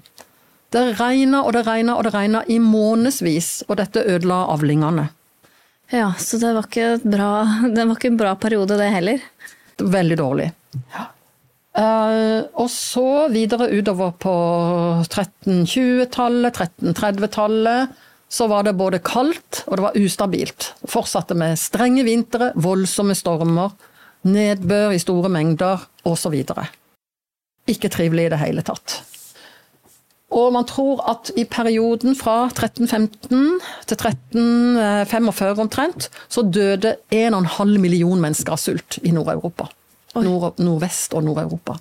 Men hvordan var det i Norge på den tiden, da? Har du noe oversikt over det? Ja, vi skal komme litt tilbake til det. Man vet bl.a. at på 1300-tallet så var de største flommene som noen gang har vært beskrevet i Norge. Eh, Du har kanskje, vi skal komme, snakke litt om på slutten om Storofsen, den enorme flommen på Østlandet i Norge som fant sted i 1789. Der vannstanden var ja, fra de flomsteinene vi har, som vi har sett på nå de siste ukene, så var flommen enda 1-2 meter høyere enn det høyeste nå. Ja. Ja. Og, eh, men den, og den flommen ble kalt for Storofsen. Den hadde fått navn etter noen enorme flommer på 1300-tallet. Oh, ja. Og som ble kalt for Digerofsen. Som var enda, enda mye verre. Som tok med seg gårder og hus og alt i hopetall, og mennesker døde. Og avlinger og husdyr og alt gikk dukken. Var det noen årsak? Hva skjedde på begynnelsen av 1300-tallet? Jo, vi vet i alle fall at det var et stort vulkanutbrudd på, på Island. Hekla hadde et stort utbrudd i 1300 til 1301, som sannsynligvis har hatt betydning for klimaet. Så er det kommet noe morsomt fram de siste månedene. Eh, På Trondheim har et fint eh, museum. Ja. Og de har drevet og gravd mye i Trondheim, bygd nytt bibliotek og sånn, og gravd ned i den gamle byen, altså Nidaros. Og funnet rester etter mennesker, rester etter hus osv. Og, og der har de blant annet funnet et skjelett av en kvinne som de tror var i 60-årene på begynnelsen av 1300-tallet og har eh, undersøkt eh, hvordan hun hadde det. De kan se det på knokler og tenner hvordan livskår hun hadde. Men de har også undersøkt klimatisk hvordan var det i eh, å leve i Trondheim eller Nidaros på den tida. Oh, yes. Og de sier at hun hadde det veldig godt. Levde et godt liv fram til hun ble omtrent 60. Fram til vi altså kom inn på begynnelsen av 1300-tallet. Da kan de se at hun fikk det verre, at det var dårlig med mat, at hun sulta. Og eh, de sier eh, i, nå, må, nå må jeg nesten lese, for de sier ordrett mm. eh, i denne beretningen på museets hjemmeside. Da denne kvinnen ble født på begynnelsen av 1200-tallet, var Nidaros en blomstrende by med 4000 innbyggere. I løpet av hennes levetid skjer det store endringer i byen. En gang tidlig på 1300-tallet begynner det å regne. Og det slutter ikke på flere år. Det gjør at avlingene slår feil. Folk har ikke såkorn til neste år, og de sulter. Det er en tøff tid for byens befolkning. Akkurat. Og dette vet vi fra flere skriftlige kilder eh, andre steder i Europa. At det regner og det regner og det regner. Man har bl.a. fra England snakka man om et år tidlig på 1300-tallet. Det, det regner hver eneste dag sammenhengende fra mai til september. Oi. Og selvfølgelig trivdes ikke avlingene. Nei, da er det jo ikke så lett å gjøre noe som helst, nesten. Man kan fiske litt hvis man lever langs kysten, og så Hvis du er så heldig. Ikke sant? Og så andre steder på kloden, bl.a. i Nord-Amerika, vet vi at det var vått i denne perioden. Um, på 1300-tallet var jo ikke europeerne kommet enda, enda til Nord-Amerika. Eh, men det var noen ganske avanserte sivilisasjoner der, og noen store byer. Blant annet en by som heter Cahokia i Mississippi, eh, nedre Mississippi-området. Som eh, blomstra eh, på 12 1100-1200-tallet. Men så ser vi at det har vært masse flommer i Mississippi utover på 1300-tallet. Og byen har rett og slett blitt gitt opp, og folk har flytta ifra. Ja, Så det skjedde ikke bare i Europa i Norge, det var eh, nesten globalt. Ja, i hvert fall mange steder Ja, på kloden. da. steder, ja. Flere steder som vi har. Og det var opptil 40 000 innbyggere i denne byen. Og den blir helt fraflytta. Ja. Så hvis vi i Norge nå må flytte hus, eller folk ikke kan bo langs med elvene For det at vi har ikke tenkt på at det kunne bli sånn stor vannføring, så har det iallfall skjedd før Mm. I historien. Og i veldig stor og dramatisk målestokk. Men når det har vært kaldt, vått, avlingssvikt og sult i en tre-fire tiår, hva skjer? Sykdom? Sykdom, Mm. pest, Ja. og nå kommer jo svartedauden. ja. Den store katastrofen som vi Det var kanskje ikke noe større enn den justinianske pesten på 500-tallet, men vi har mye mer kilder og fortellinger fra det. Ja, for nå er det jo nedskrevet mer, og i både kunsten og litteraturen. Sant? Og vi, vi vet jo at den kom til Europa sånn eh, eh, litt før, 19, litt før 1350, unnskyld. Og at den spredte seg ganske raskt. Fra, begynte i Sør- og Øst-Europa og spredde seg nordover. Og kom til Norge eh, i eh, 1357, var det vel? Og i- Bjørgvin, var det det? i 1347, beklager. 1347 til 51 spredde pesten seg over Europa. Den kom til Bjørgvin, antageligvis med et skip, lurer man på da. Ja.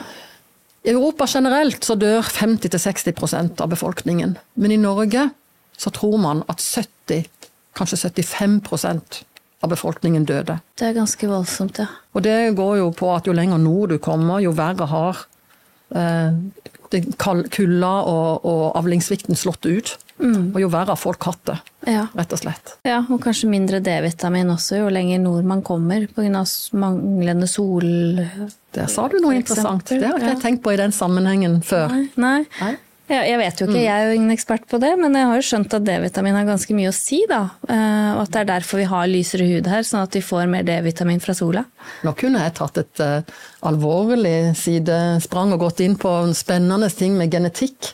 Ja, Og men det må du gjerne eh, gjøre. Jeg syns sånt er kjempespennende. Jeg leste en veldig spennende bok for noen år siden som en svensk dame skrev som heter 'Min europeiske historie'. Ja. 45 000 år, eller var det 35 000 år tilbake. Der hun skriver at du, genetikken har jo blitt så avansert når man kan se på, trekke ut eh, gener fra gamle skjeletter og se faktisk hvordan så folk ut for 5000-6000 år siden her i Norden. Ja.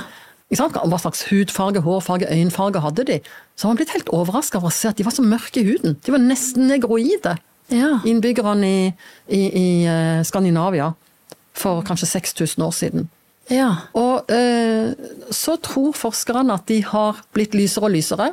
For de lyseste har overlevd fordi de klarte å danne D-vitamin lettere fra sola.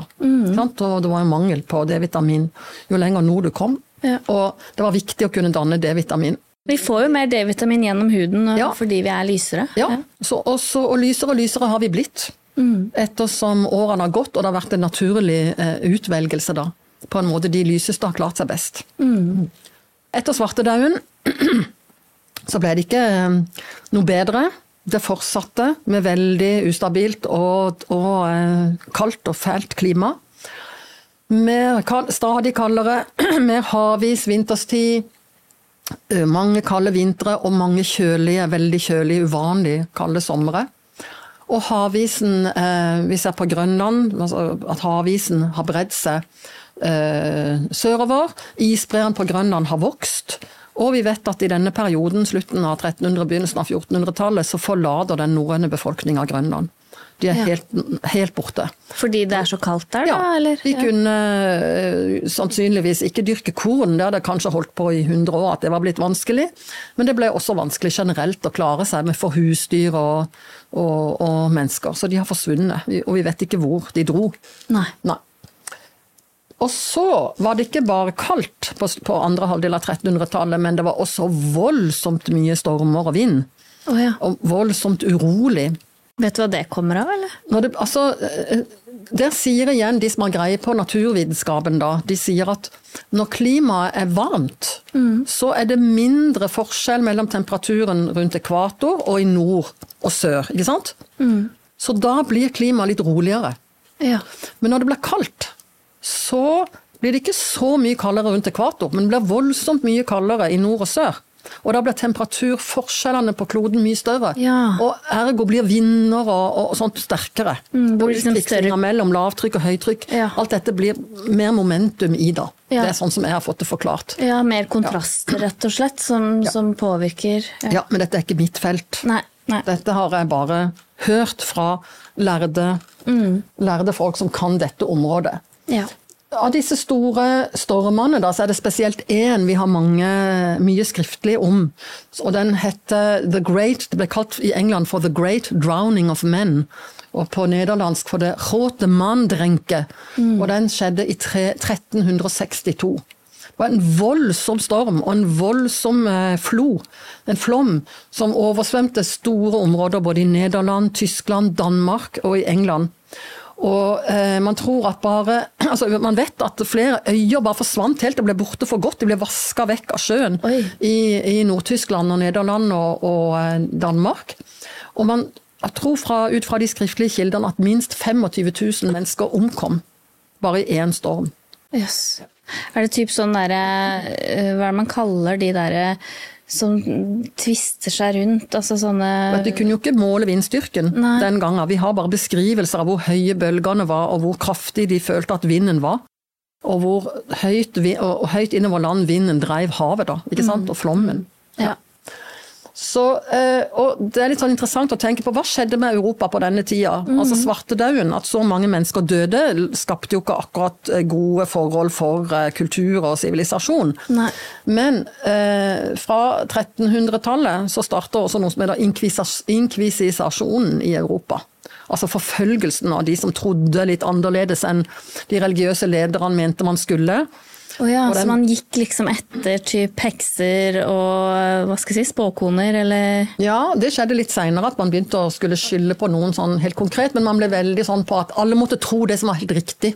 Og man skulle ta de som ikke gjorde det. Det var liksom inkvisisjonen. Ja. Um, og hva skjer i Norge? Jo, i 1380 ble det slutt på Norges selvstendighet. Etter svartedauden ble Norge veldig svekka. Eh, Det døde som jeg sagt, så mange som kanskje 75% av befolkninga. Hele hæren og det vi hadde, av liksom en hær og styres, styresmakter og alt det, ble ødelagt. Utradert, nærmest.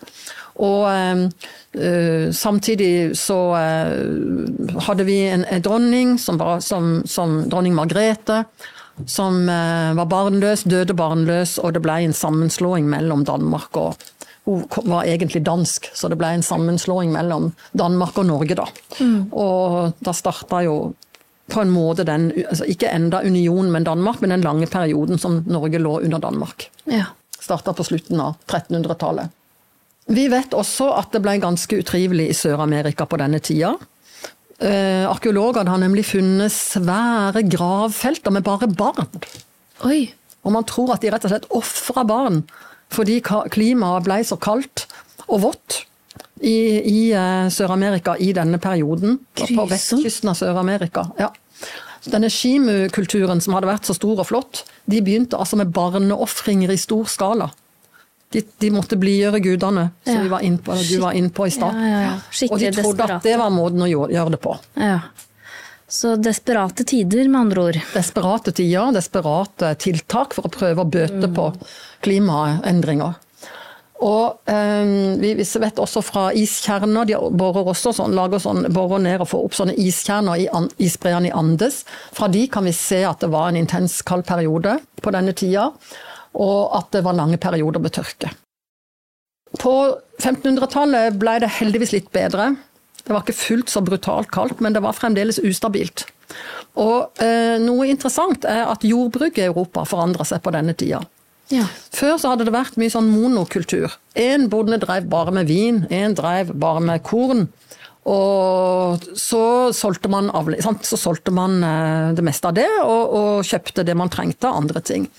Eh, Nå skjønte man at det var, ble altfor sårbart å satse bare på én avling, og på å selge det man hadde overskudd. Man måtte, man måtte prøve å spre, spre seg utover og dyrke mange forskjellige ting. Fordi man opplevde at hvis kornet slo feil, så kunne belgvekstene f.eks. klare seg bra. Lurt. Og kanskje husdyrene klarte seg brukbart. Man fikk, eh, fikk melk i alle fall. Eh, Så man gikk over til mer varierte avlinger, rett og slett. Og det ble, jordbruket ble litt sånn som vi kjenner det fra, fra ikke så langt tilbake i Norge, at man drev med litt av alt. Ja. Man dyrka litt korn, litt grønnsaker, litt belgfrukter. Man hadde både kuer og sauer og griser, og, gikk, og så etter hvert selvfølgelig poteter, som ble veldig viktig. Og slo kornet feil, klarte ofte potetene seg rimelig bra. Eller omvendt. Ja, så det er lurt å helgardere seg, rett og slett. Ikke sant. Satse litt bredt. Men kulda var ikke slutt. Nei. Det kaldeste århundret i den lille istida var nok 1600-tallet. Da ble det også eh, tørt mange steder på kloden. Eh, I Kina så har vi skriftlige kilder, kilder som forteller om eh, at det var usedvanlig kaldt i 16, 16 til 1618, med snøfall midt på sommeren. Og i Japan en svært kald vinter på midten av 1600-tallet, etterfulgt av avlingssvikt og sult, og omtrent en tredjedel av befolkninga døde, skriver kildene i Japan. Veldig tøft. Det ble tørt, og det, monsunen svikta mange år i eh, Østen. Og eh, i Midtøsten, og, eh, og altså indre, innerst i Middelhavet, og i eh, det østlige Afrika, det vi kaller Sahel-beltet, altså Somalia og eh, Sudan og det området der, så ble det tørt. Ja. Ja. Så fortsatte det med avlingssvikt og også mange våte somre i nord. Og frost i Polen flere ganger midt på sommeren, og mange usedvanlig kalde somre i Frankrike fortelles det om, som skapte problemer bl.a. for vinhøsten. Når det blir så utrivelig, snakker vi om at det, Hvem står bak? Er det Gud? Er det menneskene som har synda? Hva har skjedd? På 1600-tallet satte de i gang med noe som kanskje var et svar på det. Heksebrenning. ja, nå startet dette. Ja. Så seint som på 1600-tallet starta heksebrenninga ja. i hele Europa. I Norge ble 128 kvinner brent som hekser. Og det som har kommet fram, som mange har begynt å, å skjønne de siste årene, er at det var ofte én grunn, altså én beskyldning de var utsatt for, da. En tiltale mot disse stakkars kvinnene. De hadde lagd dårlig vær. Ja, så de, de tenkte at det var eh, trolla fram. Sånn, Trolla fram dårlig vær, stormer på havet, så mennesker døde av storm, av sult og alt. Dette tenkte de, hvis vi får tatt og knerta noen hekser, så kanskje det blir bedre. ja. Primitivt, men eh, ja, når man ikke har noen forklaring, så må man liksom finne en forklaring, da. Man prøvde desperat. Og det å, å finne noen, eh, ja, noen å skylde på, det er jo veldig menneskelig. Ja. ja. Vi prøver så godt vi kan. Mhm. Har alltid gjort det. Den aller kaldeste perioden av siste istida var kanskje på slutten av 1600-tallet og begynnelsen av 1700-tallet. Um, hvis dere får med i podkasten, så har jeg et nydelig kart her av isutbredelsen i Nord-Atlanteren. Ja. Som viser at isen gikk eh, nesten ned til Skottland. Altså eh, polarisen gikk nesten ned til Skottland om vinteren.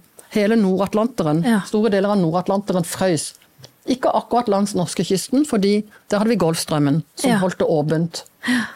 Dette førte til eh, jeg vil si litt morsomme ting. Ja. Kanskje ikke så morsomt for det det gjaldt. Nei, nei. Men i denne perioden så skjedde det to ganger at det kom inuitter, altså eskimoer, padlende i kajakkene sine inn til Nord-Skottland. Altså Skottland, Nord-England. Yes. Nord-Storbritannia, unnskyld. Var det fordi det var så kort avstand, da? Fordi det hadde kommet så så langt ut, på, på, ut i havet pga. isen? Isen gikk nesten helt ned til Shetland. Ja. Så de fulgte iskanten. Det gjør ofte inuitter når når de skal jakte. De følger iskanten. Og plutselig så var de i Skottland, gitt. ja. Ja. Og de kom i land med sine kajakker, og folk lurte jo fælt på hva slags folk dette var. Mm. Ja. Og den dag i dag så kan man se utstilt kajakkene og klær og utstyr de hadde med seg. Ja, spennende. Så dere som eh, hører på, dere kan jo gå inn på YouTube, og så kan dere se bildene som eh, vi legger ut, eh, filmversjonen. Ja. Men vi, Noen av, noen av bildene og, og, og, og grafene blir kanskje med. ja, det kan vi legge til. Og så for dere som bare hører på, så kan dere jo kjøpe boka. Hvis dere vil ha det mer eh, å kunne bla i det og gå tilbake Ikke til det, sånn, sant? så er kanskje det, ja. er kanskje det enkelt. Eh, Det ble eh, store konsekvenser for jordbruket og økonomi i Europa på denne tida. Det var temperaturer ned til 20 grader minus i Frankrike flere vintre.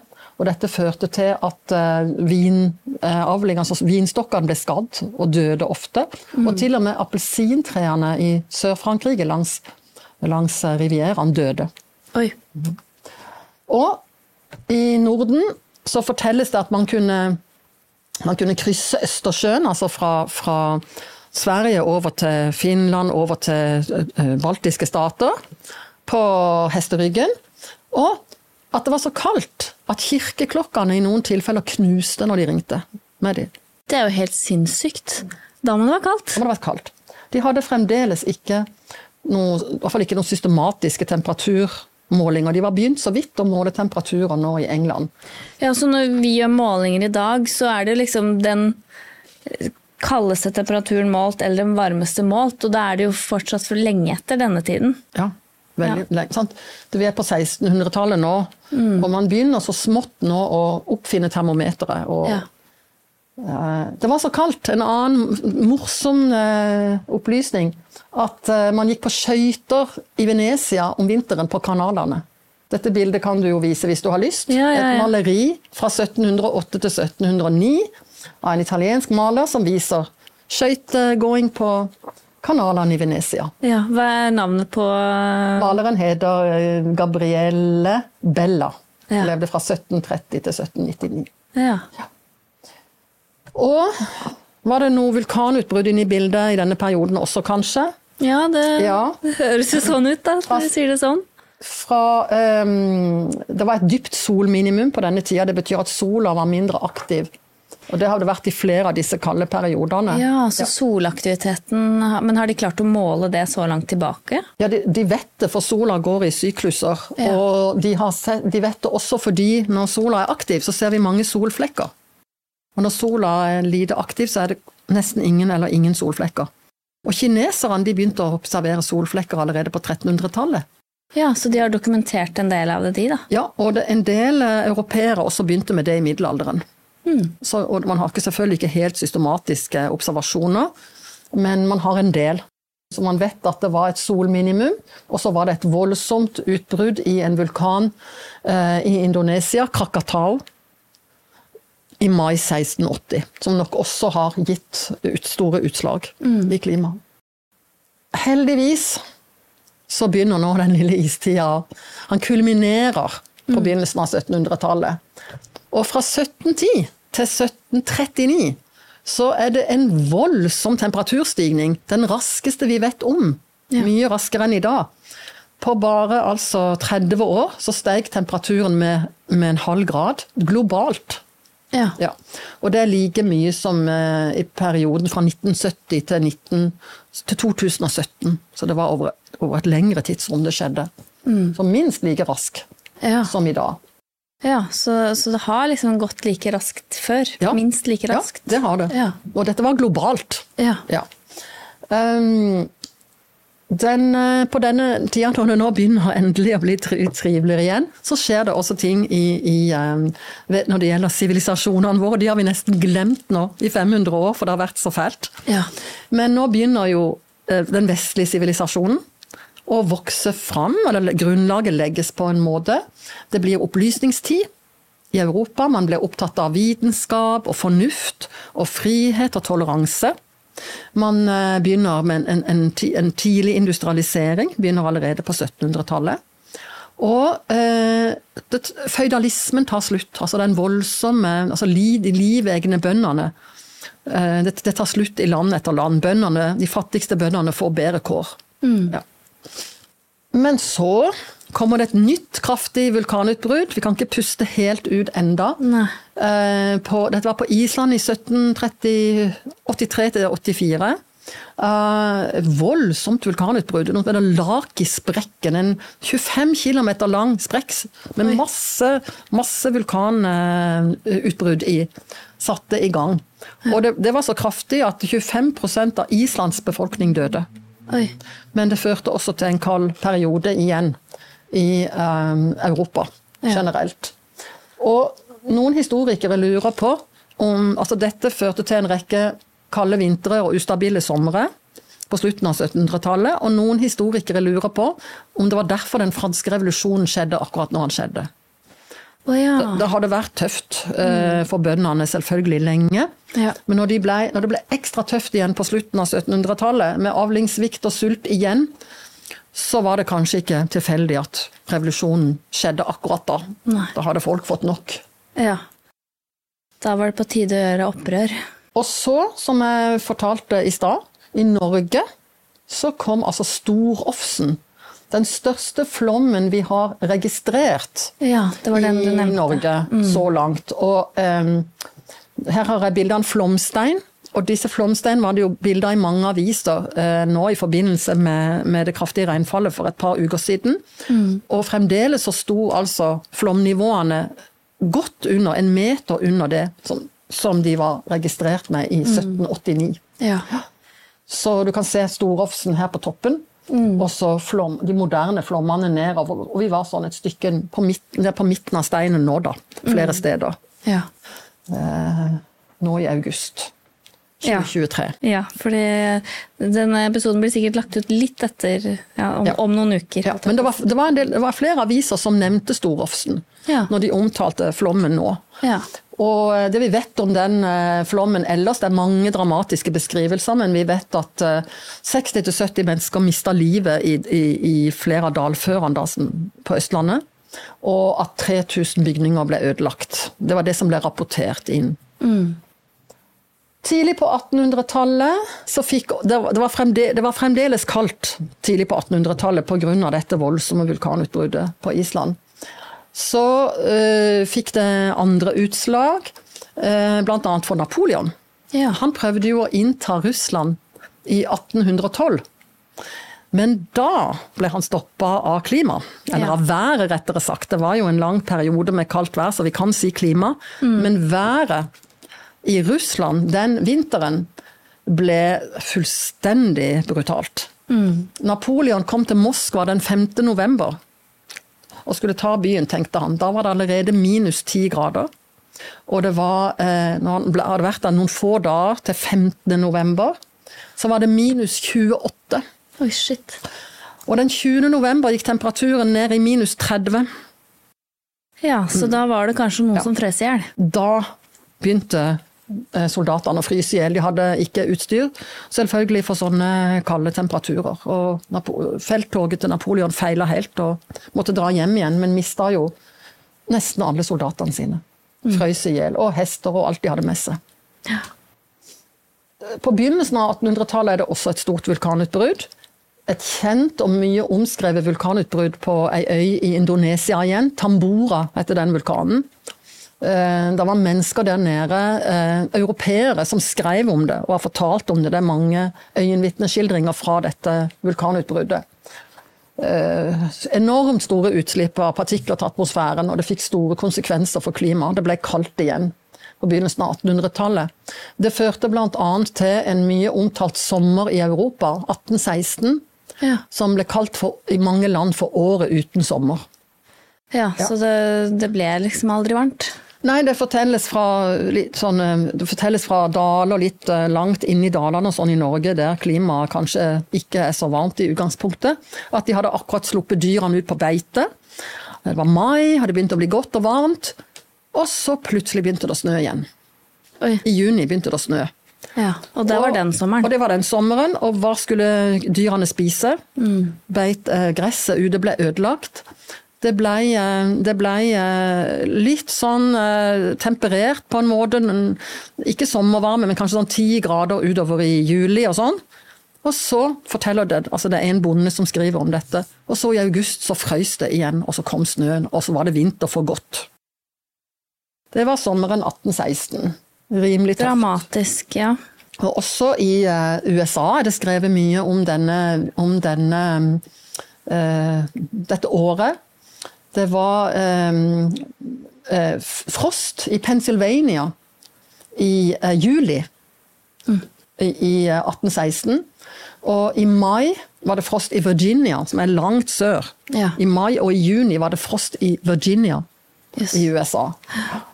Uh, I Norge var det en kald og våt vår, uh, og uh, frost allerede i august, som jeg sa. Avling, store deler av avlingene i hele Norge ble ødelagt.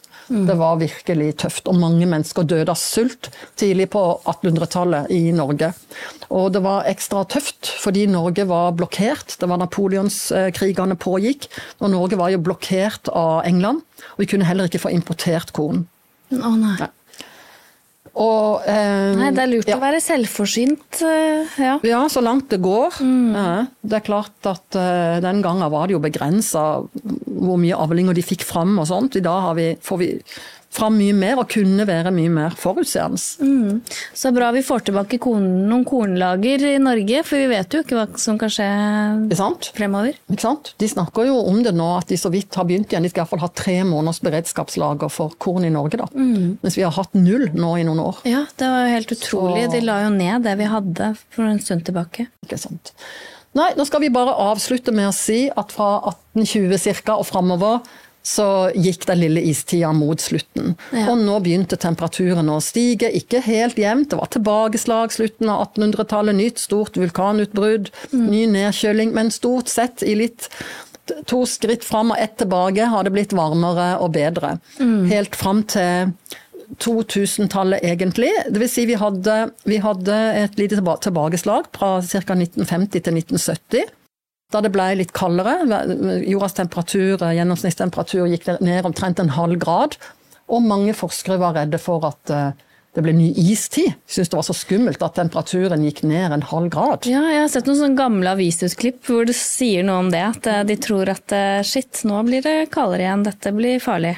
Nå kan det være vi er på full vei ned, liksom, tenkte de. Og hvem vet? Mellom istida pleier å vare i en 12 000-15 000, eller 10 000-12 000 år er mest vanlig. Ja. Og nå har denne mellomistida vart i 12 000 år. Så hvem vet når neste istid kommer. Vi får Ja. holde oss fast. Nei da, de forskerne som studerer sol og syklus og sånn, sier at det, kanskje om ca. 1500 år Ja. er vi på vei inn i en ny istid. Ja. Da lever ikke vi lenger. Ja, nei, det blir jo spennende å se, da. Men, Ja, eh, om vi, en, om vi går mot en ny istid. Vi gjør jo det før eller senere, men, men vi får håpe ikke det skjer i vår levetid. Nei, vi får håpe vi holder oss på det litt, litt varme da, bare det ikke blir for varmt. Det var det. det, var det sånn passe. Ja. Uh, men det kan, bør kanskje si til slutt at uh, på, fra uh, den lille istida var slutt, på omtrent midten av 1800-tallet og fram til vår tid, så har vi jo hatt også en framvekst av en stor sivilisasjon. Nemlig den vestlige, moderne sivilisasjonen. Ikke sant? I, hel, I store deler av verden. Og eh, det begynte med at bare kanskje Europa og USA hadde stor, eh, stor vekst i eh, velstand. Ingen sulta mer. Vi, vi fikk liksom alt vi trengte av materielle ting. Men det har jo spredd seg fra land til land. På 60-tallet, når jeg gikk på skolen, så var det fremdeles stor sult i verden. 80% av jordas befolkning sulta eller sto i fare for å ikke ha nok mat. Det var helt sånn på grensa. Nå er det bare 20 av, verden, av verdens befolkning som lever med, med sult. Eh, likeledes var det en, en voldsom spedbarnsdødelighet på 60-tallet. Den er nesten ikke noe spedbarnsdødelighet igjen. Det er få steder i verden det ikke har blitt en stor forbedring. Um, og um, analfabetismen er nesten utrydda. Ja. Ja. 80-90% av verdens befolkning var analfabeter på nå, Kanskje jeg overdriver, kanskje det var 70-80% av verdens befolkning som var analfabeter på 60-tallet. Mm. Nå er det eh, bare en 15% igjen, og da snakker vi om både barn og eh, voksne og gamle. Mm. Nesten alle i verden kan nå lese og skrive. Ja, Så vi har jo egentlig nå levd i en sånn veldig god periode, eh, vi som lever nå. Ja, i alle fall eh, hovedsakelig god, og hovedsakelig med framgang og, framgang og velstandsvekst. Men det er klart det har også vært veldig tøffe ting, som første og andre verdenskrig. Ja, ja, ja. ja. Eh, så vi menneskene har jo stelt i stand ting som ikke har vært bra. Mm. Men vi så store det hele velstandsvekst, og også framvekst av demokrati. Mm. Ja. Så det blir spennende å se hvor går det nå. Ja. ja. Boka mi Jeg stopper i 1970 ved, ved 1970-tallets begynnelse. For fra den tida så begynner det du kan kalle den moderne klimadebatten. Mm. Det er masse masse informasjon å søke opp både om temperatur og, og utvikling og alt nedbør og temperatur og det er eh, vind og stormer og sånn overalt. Mm. Eh, så den historieboka som jeg eh, følte at jeg hadde lyst til å skrive, mm. den fant jeg naturlig å slutte. Ja. Da jeg var barn, for å si det sånn. Ja. ja. Ja, men det er jo kjempespennende å få høre om alt det du har klart å sammenfatte av eh, klimahistorie. Og veldig interessant, for jeg har liksom fått inntrykk av at det ikke har vært så store variasjoner, og, og at det har eh, svingt så mye og så fort, da. Det er nok bare mangel på kunnskap. Mm. Eh, en av FNs klimaforskere, som heter Jungquist, Carl Fredrik Jungquist, Unnskyld, det var feil. Fredrik Jungquist, ikke Carl. Kom med en stor, stor, tjukk murstein av en bok i 2017. For han så det samme, at kunnskapen om det historiske klimaet er dårlig blant både klimaforskere og blant forskere kanskje generelt. Så han ville rette på det. Mm. Og så der er det, Hvis du vil lese ti ganger mer i dybden enn det jeg går her, så kan du kjøpe ja. eh, Jungquist sin bok 'Klimaet gjennom 12 000 år. Ja. ja. Så da får du liksom frem mye av det du også har uh, fått frem i, i, din bok? Ja, det får du. Og han er en viktig kilde for min bok. Jeg har over 80 kilder. Ja. For jeg har lest mange mange bøker og mange artikler. Mm. Så jeg har henta fra mange steder mm. eh, opplysninger. Men han er en av de som virkelig har gjort en stor jobb. Og, eh, så syns jeg det har vært interessant å se altså historie er det noe viktig, da? Trenger vi å bry oss så mye om historien? Er det ikke hva som skjer nå som er viktig? Mm.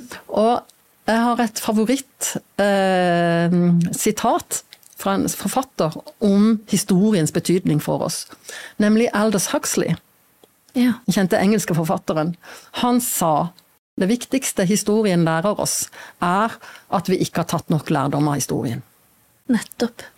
Og det tror jeg, tror jeg, er veldig viktig når det kommer til mange ting, ikke bare klima. At, eh, at, vi lærer av det som har vært, og at det har mye å si for hva som skjer eh, videre. Ja.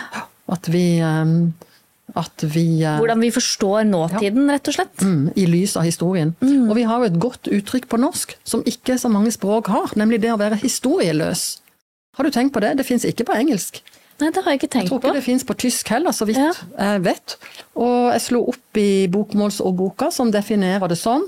Mangel på kunnskap om og interesse for fortiden. En samtid som bare speiler seg selv, er farlig historieløs. Nettopp. Ja, men Jeg er så glad for at du har kommet hit i dag og fortalt om, eh, om klimahistorien. Så ja, jeg vil jo bare takke deg for at du har tatt deg tiden til å komme hit og fortelle oss, eh, meg og mine lyttere, om, eh, om klimahistorien. Veldig hyggelig å få lov å dele med dere. Og det var derfor jeg skrev boka også. Jeg følte at her var det på en måte et tomrom å fylle, iallfall i Norge, da. Ja, og så er det litt den der respekten for alle disse menneskene som har levd i så vanskelige eh, klima, så vanskelig klima, og, og, hvor mange skjebner som har bukket under pga. sult i forbindelse med både tørke og kulde. Ja. Og jeg, jeg bør ikke nevne navn, men eh, noe av bakgrunnen for at jeg skrev boka også var altså norske framstående klimaforskere sine utsagn bl.a. på NRK om at nei da, klimaet fram til nå har vært stabilt, det. Mm. Det er først nå at klimaet har begynt å bli ustabilt. Og da tenkte jeg akkurat det samme som det, med alle de beretningene og alt det vi har av skriftlige kilder fra så mange steder på denne kloden, om hvor forferdelig det har vært for menneskene. Og hvor uforutsigbart det har vært, og hvor mye nød og sult og pest og alt. Eh, Jeg måtte gjøre noe med det. Men jeg er jo lærer, da, vet du. Ja. Så vi, vi lider litt under sånn eh, Vi må liksom formidle. Ja, ja, men du er veldig god til å formidle, og det har vært veldig fint å høre på deg i dag. Og så får jeg håpe at eh, ja, du, det går bra med foredrag og boksalg videre, sånn at eh, du får formidla det ut til folket. At vi kan vekke litt interesse for historien Ja. og for klimahistorien. Ja. Tusen takk. Takk skal du ha.